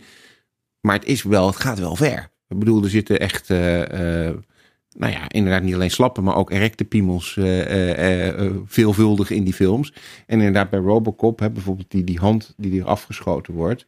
Ja, tuurlijk, in een horrorfilm ben je dat inmiddels allemaal wel gewend. Maar dit is eigenlijk natuurlijk gewoon een mainstream Ja, wat ik zei. science fiction actiefilm. Voor zo'n soort film in die tijd was het wel aan de heftige, aan de chockerende kant, ja. Als je een Amerikaanse recensent bent. Ja. Ja. Het, het is zeg maar... Het, het, het is ver richting de lijn de hele tijd, maar er net niet overheen, heb ik het idee. Nou, denk dus de, ook de dat hij- verkrachtingen dan, dan wel, dat, Ja. dat gedeelte, maar het geweld eh, denk ik niet. Ik denk dus dat hij ook. Hij heeft ook samengewerkt met, met Joop van den Ende. En in eh, bepaalde Nederlandse mensen die ook achter commerciële eh, televisie eh, eh, zaten. Er is. Je, kan heel makkelijk je eigen um, morele paniek zeg maar, genereren van Hmm. tevoren al, Hmm. al over iets. Ehm, bij Spetters was natuurlijk dat conflict met het productiefonds. Nou, dat geeft ook heerlijke PR, zeg maar al. Weet je, er is gedoe rondom die film, dus iedereen heeft het dan al over Ja. die film. En dat heb Ja, ik dus ook. voor de luisteraar nou even zeggen wat het idee was. Is dat eh, eh, überhaupt altijd een gedoe was om geld te krijgen voor films. En eh, Paul Verhoeven was daar altijd heel boos over. Hij zei van, nou, ik heb hele succesvolle films gemaakt. Maar nu moet ik iedere keer, als ik met een nieuw project kom, weer gaan uitleggen dat ik dat best wel kan. Dus daar was hij best wel eh, pissig over. Hij was gebroken met Rob eh Hauer. eh, die, die dus al die andere films had gefinancierd. En hij kwam dus met Joop van der Ende bij het Filmfonds aan. Het Filmfonds is sowieso nog steeds een moeilijk, moeilijk instituut om geld te Mhm. krijgen. Maar ze hebben wel al het geld. En die zeiden van het script van Spetters: van ja, dit, dit gaat dus echt, dit gaan we echt never nooit doen. Dit is zulke troep. Eh, en toen hebben ze dus een nieuw script gemaakt. eh, met eh, een heleboel scènes eruit geknipt en, en veranderd. Dat is ingediend bij het Filmfonds. Daarvan zeiden ze: Oké, nou goed, daar krijg je dan geld voor. Dat hebben ze vervolgens de prullenbak ingegooid en zijn het originele script weer gaan verfilmen. Ja, dus, dus, eh, dus eh, en dat leidde natuurlijk dan toch tot achteraf tot nog meer consternatie, wat ook hele goede PR is. En ik heb dus ook soms, dus ik denk een van de redenen waarom dus juist Verhoeven het zo goed doet in de VS, is die mensen zijn nog te chockeren met dat soort dingen. Eh, en dat creëert dus ook een bepaalde bus waar hij, waar hij goed op is gegaan. Wat ik denk ook het geval is bij L. Hmm. En ehm, ik, Vond jij El niet, niet chockerend? Ik vond El niet chockerend. Um, en ik, ik, zat, ik was op een filmfestival dag voor vrouwen ergens Mhm. in Assen. Uh, en daarna zat ik dus in een panel over die film om te praten over Me Too en, Mhm. uh, en seksueel geweld en uh, dat soort dingen allemaal. Met panelisten die daar een soort voorspelbare feministische Mhm. mening in hadden. En dan vind ik het altijd wel lekker om dat niet te hebben. um, en ja, dus ik vind, ja, het is een film die nou, net voor uh, de MeToo-beweging uh, uh, is gemaakt. Maar dat voelde die ook misschien wel lekker, uh, lekker aankomen. en voor mij gaat het, is de vraag bij L, misschien als je de film nog niet hebt gezien, moet je dit even skippen. Is dus ook wel net als bij Total Recall, net als bij Basic Instinct, heeft ze het gedaan of niet? Is de vraag bij L, was de eerste verkrachting het uitleven van een fantasie? Ja, dat, dat, ja en dat, dat, is, dat is het lastige, vind en ik. dat van is El. iets wat je eigenlijk in deze tijd. En nadat, uh, nadat MeToo op gang is gekomen, iets is wat je eigenlijk niet meer mag zeggen. Maar misschien dat, want ik, ik vond het dus redelijk chockerend, maar dan heb ik hem ook wel later pas gezien. Uh, en dat is inderdaad ook hetgene wat ik er wat, wat lastig aan vind aan L. Uh, het, het idee dat een vrouw het ergens misschien wel lekker vindt om verkracht te worden, vind ik een idee waar ik vrouwen die dat werkelijk vinden, alle uh, kracht in toewens en uh, moeten ze vooral ook, ook doen. Maar ik vind het wat anders als een man dat verhaal gaat vertellen. En dat is een beetje natuurlijk het probleem met die film. Dit wordt gemaakt door een man. En da daardoor krijg je, dat vind ik dus chockerend tussen aanhalingstekens uh, een beetje eraan. Zijn we hier nu naar de fantasie van Paul Verhoeven aan het kijken? Of zijn we hier aan het kijken naar een verhaal wat inderdaad misschien ook wel uh, uh, nou ja, vanuit een vrouw verteld kan worden. Dat, dat doen ze, vind ik, op zich best goed in El. Want ze laten ook die verkrachting meerdere keren zien van verschillende invalshoeken. En het verhaal wordt ook op, op een hele goede manier verteld, waardoor je ook een soort van begrip bijna krijgt voor wat, wat zij uh, ervaart. Maar ik vind dat lastige dus daaraan. Misschien komt dat door dat ik hem later heb gezien. Dat het de hele tijd eronder zit van ja, maar zitten we hier nu niet eigenlijk gewoon naar een fantasie van een man te kijken. Maar, maar ja, dat, is, dat vind, Ja, vind dat- ik bij alle, alle films. Dat, uh, Ja. dat het uiteindelijk een beetje goed is gekomen met die commotie. Daarom is denk ik vooral de- ook door uh, Isabel Huppert Huppert, gekomen. ja. Die echt Ja, ja. voor die film Precies. ging staan. Ja. Ja. En zei van, nee jullie begrijpen het verkeerd of zo. Dit, dit is wel gewoon Ja, oké op deze manier. Ja. Uh, ja, het is voor mij alweer anderhalf jaar geleden of zo dat ik hem gezien heb. Dus het is niet heel vers. Maar ja, ik vond het niet heel chockerend. Ik vond het wel werd ongemakkelijk. Uh, maar ik vond dat zij best wel als sterke vrouw gewoon werd neergezet. Zeker, dus ja. dat, net als in Basic Instinct, dat Maar, vond ik ja, maar juist dus, dus eh, net als in Basic Instinct en net als in De Vierde Man, Mhm. eh, is zij eh, onbetrouwbaar als verteller. Ja, dat Ehm, zeker. Hè? Ja. Dus dat, dat is eh, misschien René Souterdijk is dat misschien, eh, wat, wat minder. Maar net als bij Sharon Stone is zij onbetrouwbaar als verteller. Dat maakt het zo spannend eh, en interessant. En ehm, eh, bij Basic Instinct kijk je heel erg door de ogen van die man. Eh, van wie, wie, wie is deze vrouw en wat is hier aan de hand? En dat is bij El misschien wat minder. Eh, maar dat vind ik juist heel spannend aan die film. En dat het, dat het door een man geregisseerd is, vind ik niet zo interessant. En of dat nou zijn fantasie is of niet, vind ik ook niet zo interessant. Ik vind juist dat spel met eh, eh, ehm, wat is opzet en wat is vooraf afgesproken en wat zie je allemaal niet. Dat vond ik juist heel interessant aan de film. Waren de feministen blij met het standpunt? Nee, dat was een heel leuk natuurlijk. Ja, ja, maar dat is ook waarvoor ik dan ingehuurd word. Ik zit daar niet om voorspelbare meningen te vertellen. eh, te Nee. hebben. Dat zijn genoeg mensen die dat heel goed kunnen. ik zal niet noemen wie er nog meer bij zat. ja, maar dat. ehm, maar ik vond, ja, dus ik vond El eigenlijk dus eh, een goed passen in die reeks. En ik vind het dan ook wel interessant, Sydney, dat je. ehm, eh, dat het toch ook met die tijdsgeest te maken heeft. Dat, je Hmm, dat, dat denk dat ik wel. daardoor ja. voor jou zo problematisch eh, is. eh, Omdat je natuurlijk heel erg in deze tijdsgeest zit. Ja, dat denk ik ook. Dat dat zeker mee- meespeelt. Ehm, eh, Ik ben ook heel benieuwd hoe dat straks met zijn nieuwe film gaat. Want dat gaat over een lesbische non. Ja. ja, daar kunnen we wel vast naar uitzien. Hey, is hij geeky? Is Paul Verhoeven geeky? Ik vind van wel. Waarom? Eh, omdat eh, zijn, zeker zijn Amerikaanse films zijn, eh, nou ja, bijna allemaal science fiction of in ieder geval fantasy. Ehm, Basic Instinct dan niet, maar goed, dat is een thriller. Showgirls ook niet. Nee, Showgirls ook niet, dat klopt. Maar, dat, maar nou, Showgirls laat ik er dan in die zin een klein beetje buiten. Maar Hollow Man, Total Recall, nou, Robocop noem het maar op, Flesh and Blood. Um, en het zijn ook films die echt wel in het genre en, en, en binnen de geeky wereld een heel belangrijke en, en, en ge, ge, geroemde films zijn. Dus daarom vind ik hem wel geeky. zeker niet al zijn films zijn, zijn geeky, maar ja, ik hou zelf op zich ook wel weer van oorlogsfilms. Dus in die zin vind ik dat dan ook wel weer leuk om, om te kijken. Alles wat jij leuk vindt is gewoon geeky. Is gewoon geeky, ja, ja, precies. Ik vind het wel grappig dat hij zei... Of hij heeft in zijn diensttijd een documentaire gemaakt ja. over het Korps Mariniers. Mm -hmm. En uh, hij heeft zelf gezegd dan dat hij dat gefilmd heeft in een soort James Bond-stijl. Ja. Dus hij was nog trots op zichzelf. Ik zag daar ook beelden van, die zagen best wel vet eruit ook. Mm -hmm. En hij zei ook dat hij graag de strips van Dick Bos las. Die ken ik verder niet. Maar hij zei dat het ziet eruit als storyboards. Ja. En dan ging dan ook uitleggen uh, hoe dat dan zit. En in een strip, dan geeft iemand iemand een knal. En dan staat er kabam. En dat hoofd beweegt dan zo mee. Dat ging hij toen ook zo uitleggen aan degene die hem interviewde.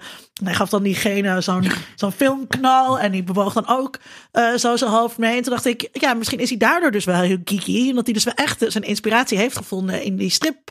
Uh, boeken. En toen ik dit had gezien, toen keek ik ook anders naar zijn films. En je ziet dat wel allemaal terug. Dus ook in de, in de geluidseffecten en zo. Er zit heel veel mm. bang, bang, boom. Ja, hij is ook regelmatig genomineerd voor Oscars voor het beste geluid. Ja. Mm. Het beroemdste voorbeeld is dat hij uh, in die strip Dick Bos heb je een auto. Heb je de uh, strips van Dick Bos gelezen? Nee, oh, uh, maar ik heb een programma over Paul Verhoeven gekeken. Ah, dat is goed genoeg. Nee, dit is even, even de geekiness checken. En hij zegt dus zelf dat hij dit niet wist. Maar dat hij dus uh, die scène in Basic Instinct met die auto-achtervolging had. Uh, die dus van die brug afgaat en over de kop. En dat staat bijna letterlijk uh, in zo'n strip. Dus het heeft hij of bewust, nou, ik hoop onbewust, dan dat is toch wat klinkt wat leuker, zeg maar. Heeft hij dat gewoon meegenomen en heeft hem toch ja, beïnvloed daarin. Ja. En dat is ook wel interessant. Um, ik heb verder niet heel veel kunnen vinden over zijn invloeden. Um, maar ja, dat, uh, dat hij door die Dick Bos is uh, beïnvloed, dat is heel duidelijk. Ik denk dat eigenlijk hij is veel geekier dan hij wil toegeven. Ja. En het geneuzel over religie, dat is het een beetje om hem serieus te maken. Wat jij, Tom? Uh, daar ben ik mee eens. Ik heb eigenlijk heel weinig toe te voegen aan wat Sidney net zei. Uh, ja, ik vind het Verhoeven gewoon heel erg geeky. Zeker die jaren 90 films van hem. Nou mooi, dan was het heel gerechtvaardigd. Ja. Dat we daar zo lang over ja. hebben zitten praten. In a world. In a world. In a world. Uh, na al dit spektakel en alle seks en al het geweld is er nog leven na de zwiebelpiemel filmfeesten die wij allemaal doorgemaakt hebben. Waar kijken we naar uit? Sonny, waar heb je zin in? Uh, donderdag komt Alita Battle Angel uit. Oh, ja. uh, nieuwe film van Robert Rodriguez en geproduceerd door James Cameron. Uh, hoeveel die daadwerkelijk heeft gedaan, dat, we, dat weten we natuurlijk nooit. Maar uh, het is altijd interessant als die naam erboven staat natuurlijk. Um, maar ik Robert verwacht... Rodriguez heeft toch al heel lang geen film meer gemaakt? Of ligt het aan mij? Nee, heel lang geen goede film in ieder geval. Oh, dan heb ik dat gemist. um, dat is dus wel een regisseur die een aantal mindere films kan maken. En dan krijgt opeens een film van 200 miljoen. Uh, wat ik, ook een beetje mijn zorgpunt was. Want ja, zo'n film van 200 miljoen, dat gaat nooit de, het rendement halen wat ze willen waarschijnlijk. Of China moet uh, heel erg goed uh, gaan doen. Mm. Um, maar ik had hele lage verwachtingen eigenlijk, want ik vond de trailer niet zo heel goed. En nu heb ik een aantal uh, recensies gelezen dat het toch eigenlijk best leuk is. Um, dus ik ben best wel enthousiast om die donderdag te gaan zien. Die gaat ook meteen? Um, ja, ik ga meestal altijd op donderdag, ja. Het is met special effects van Weta. Dat is het bedrijf dat ook Lord of the Rings en zo gedaan mm. heeft. En ik heb geluk gehad dat ik een paar van die dingen mocht zien voordat ze klaar waren. En dat oh. het zag er erg goed uh, uit. Ja. De, de meesten zeggen van ja, dus qua verhaal en zo, daar zitten wel minpuntjes in. In het tweede deel zakt het een beetje in. Maar de, de wereld ziet er zo ja. geweldig uit. Het is een van de meest schitterende dingen die ik ooit heb gezien. Is wat ze zeiden. Mm -hmm. um, nou, ja, dan ben ik heel geïnteresseerd om die film uh, zo snel mogelijk te gaan kijken. Klinkt goed. Tof, Robert Rodriguez. Sydney. Uh, ik kijk uit naar um, een serie die op uh, 15 februari op Netflix uh, verschijnt, die Umbrella Academy. Dat is gebaseerd op een gelijknamige stripboek. En het gaat eigenlijk over een aantal mensen met superkrachten die allemaal op dezelfde dag geboren worden. Die samenkomen op een, eh, nou, een soort Xavier's School for Gifted Youngsters, maar dan anders. En uiteindelijk een aantal jaren later weer samen moeten komen om eh, nou ja, een mysterie op te lossen. En uiteindelijk wordt dat dan een serie. Ehm, het ziet er in ieder geval van wat ik er tot nu toe van heb gezien heel goed uit. Het, is, het, ziet er visueel heel, heel interessant uit. Ehm, en Ellen Page zit erin. Nou, dat is op zich al een reden om, eh, om, eh, om te kijken. Ehm, maar het lijkt me dus echt een, een, een, een interessante serie, omdat het gaat over jonge, eh, nou ja, het zijn niet echt superhelden, maar in ieder geval mensen met superkrachten. Eh, en we krijgen er een hele serie van. En het is ook nog eens een keer een serie waar een echt verhaal, zeg maar, al is. Hè, waardoor je dus niet krijgt van, ehm, nou, waar gaan ze nou eh, uiteindelijk eh, naartoe? Ehm, dus dat, daar kijk ik wel naar uit. En het is gratis op Netflix, dus dat, dat is altijd mooi. En eh, verder eh, kijk ik wel. Nou lijkt het net alsof we toch gesponsord worden door Netflix. Dat is dat niet is zo. niet zo. steeds nee, niet zo. helaas Betaal is toch niet gewoon voor je Netflix. Ja, ik, abonnement. ik zat Ja. te zoeken of ik iets wist op een andere eh, dienst. Heel wat moeilijk binnenkort dat. begon, maar dat eh Nee. kon even niks niet vinden. uit. Bestaan dat- er andere diensten? Dat ga ik dan maar doen, want dan. Maar niet gratis nog, Sydney. Eh, nee, Netflix moet je wel betalen. Oké. Tenzij je natuurlijk gewoon eh, vrienden hebt die een Netflix-abonnement hebben. Want je mag volgens mij op vier of vijf devices. Ik heb er eentje eh, waar op vier devices mag Ja. en waar mensen op meeliften. Ja. Ik ken Ik heel Gratis. heb ook veel, wel meelifters, ja. Ja, precies. En ik, ik Oh, ken ook heel betalen, veel- mijn- mijn moeder en mijn zusje betalen Ja. mij gewoon een deel. Echt? Ja. zo Oh, dat- is mij. nog Heel beter, maar-. Je bent net een personage uit een Paul Verhoeven film. Ja. Maar er zijn inderdaad heel veel mensen die ik ken ook die, die hun ouders hebben dan Netflix en dan gaan ze op kamers en dan nemen ze één van die devices nemen ze dan mee. Dus nou ja, Netflix, dat, dat hoop ik dan dat het voor de meeste mensen toch nog ergens bereikbaar is. Eh, Videoland. Om, om dan toch maar een andere dienst op te noemen. Eh, en we hebben ook nog Amazon overigens, als je de Terror wil kijken, want dat staat op Amazon. Ehm, maar Videoland, eh, die eh, zendt een aantal series uit, waaronder The Handmaid's Tale en, en ook een aantal dingen waarvan ik denk, ja, dat, dat is helemaal niks voor mij. Temptation Island. Ja, bijvoorbeeld. Maar ze zenden ook Future Man uit. En Future Man, daar hebben we het al een keer eerder over gehad, over het eerste seizoen. Gemaakt door Seth Rogen, die maakt sowieso hele leuke content. Eh, en nu komt, is het tweede seizoen van Future Man op eh, Videoland eh, verschenen. Ik vond het eerste seizoen hilarisch. Maar goed, je moet ervan houden. En ik zou zeggen, ga dat, ga dat kijken als je Videoland hebt. Of als je iemand hebt die Videoland heeft, waarbij je mag komen kijken. Tom, Ehm, ik heb eh, sinds een paar dagen eh, weer een iPhone na twee jaar een Android-telefoon gehad te hebben.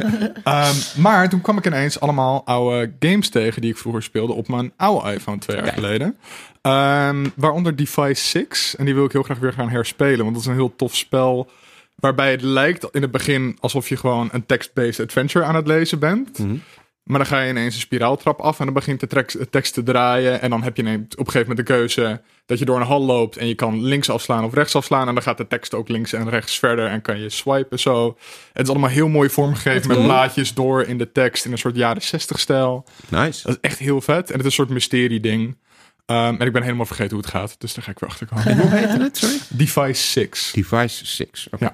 Gaan we downloaden. ik zit ook eh, eh, helemaal in het mysterie. Dus ik kijk heel erg uit naar eh, hoe de podcast verder gaat, waar ik al was begonnen. En dat is De Brand in het Landhuis. Ja. Hoorde ik van ehm, Ipe in de Eeuw van de Amateur. En toen waren ook andere mensen op Twitter er heel enthousiast over. En alleen de titel is al heel tof. De brand in het landhuis. En het gaat dus over ja, een mysterieuze man. Op het allemaal true crime is het in het Nederlands. Een mysterieuze man op een landgoed in Vught.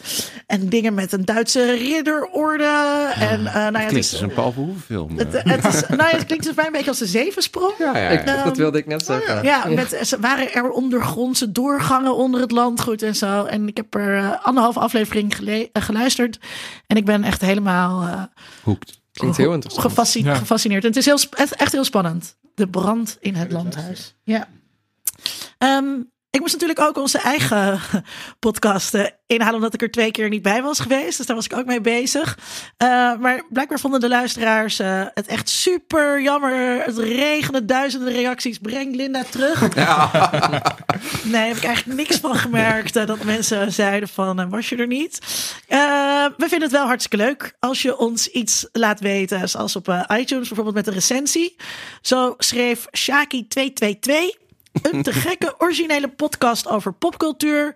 Zo vermakelijk en afwisselend dat ik het inclusieve en genderneutrale geneuzel van de makers erbij kan hebben. Vijf sterren.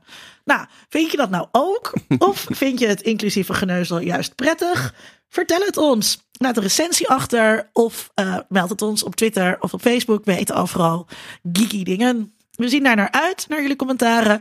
Net als naar onze volgende aflevering. Voor nu, bedankt dat we in je oren waren. Heel erg veel dank aan Sonny, die hier was. Kom nog een keertje terug. Zeker. Ja, dit was aflevering 25 van Geeky Dingen.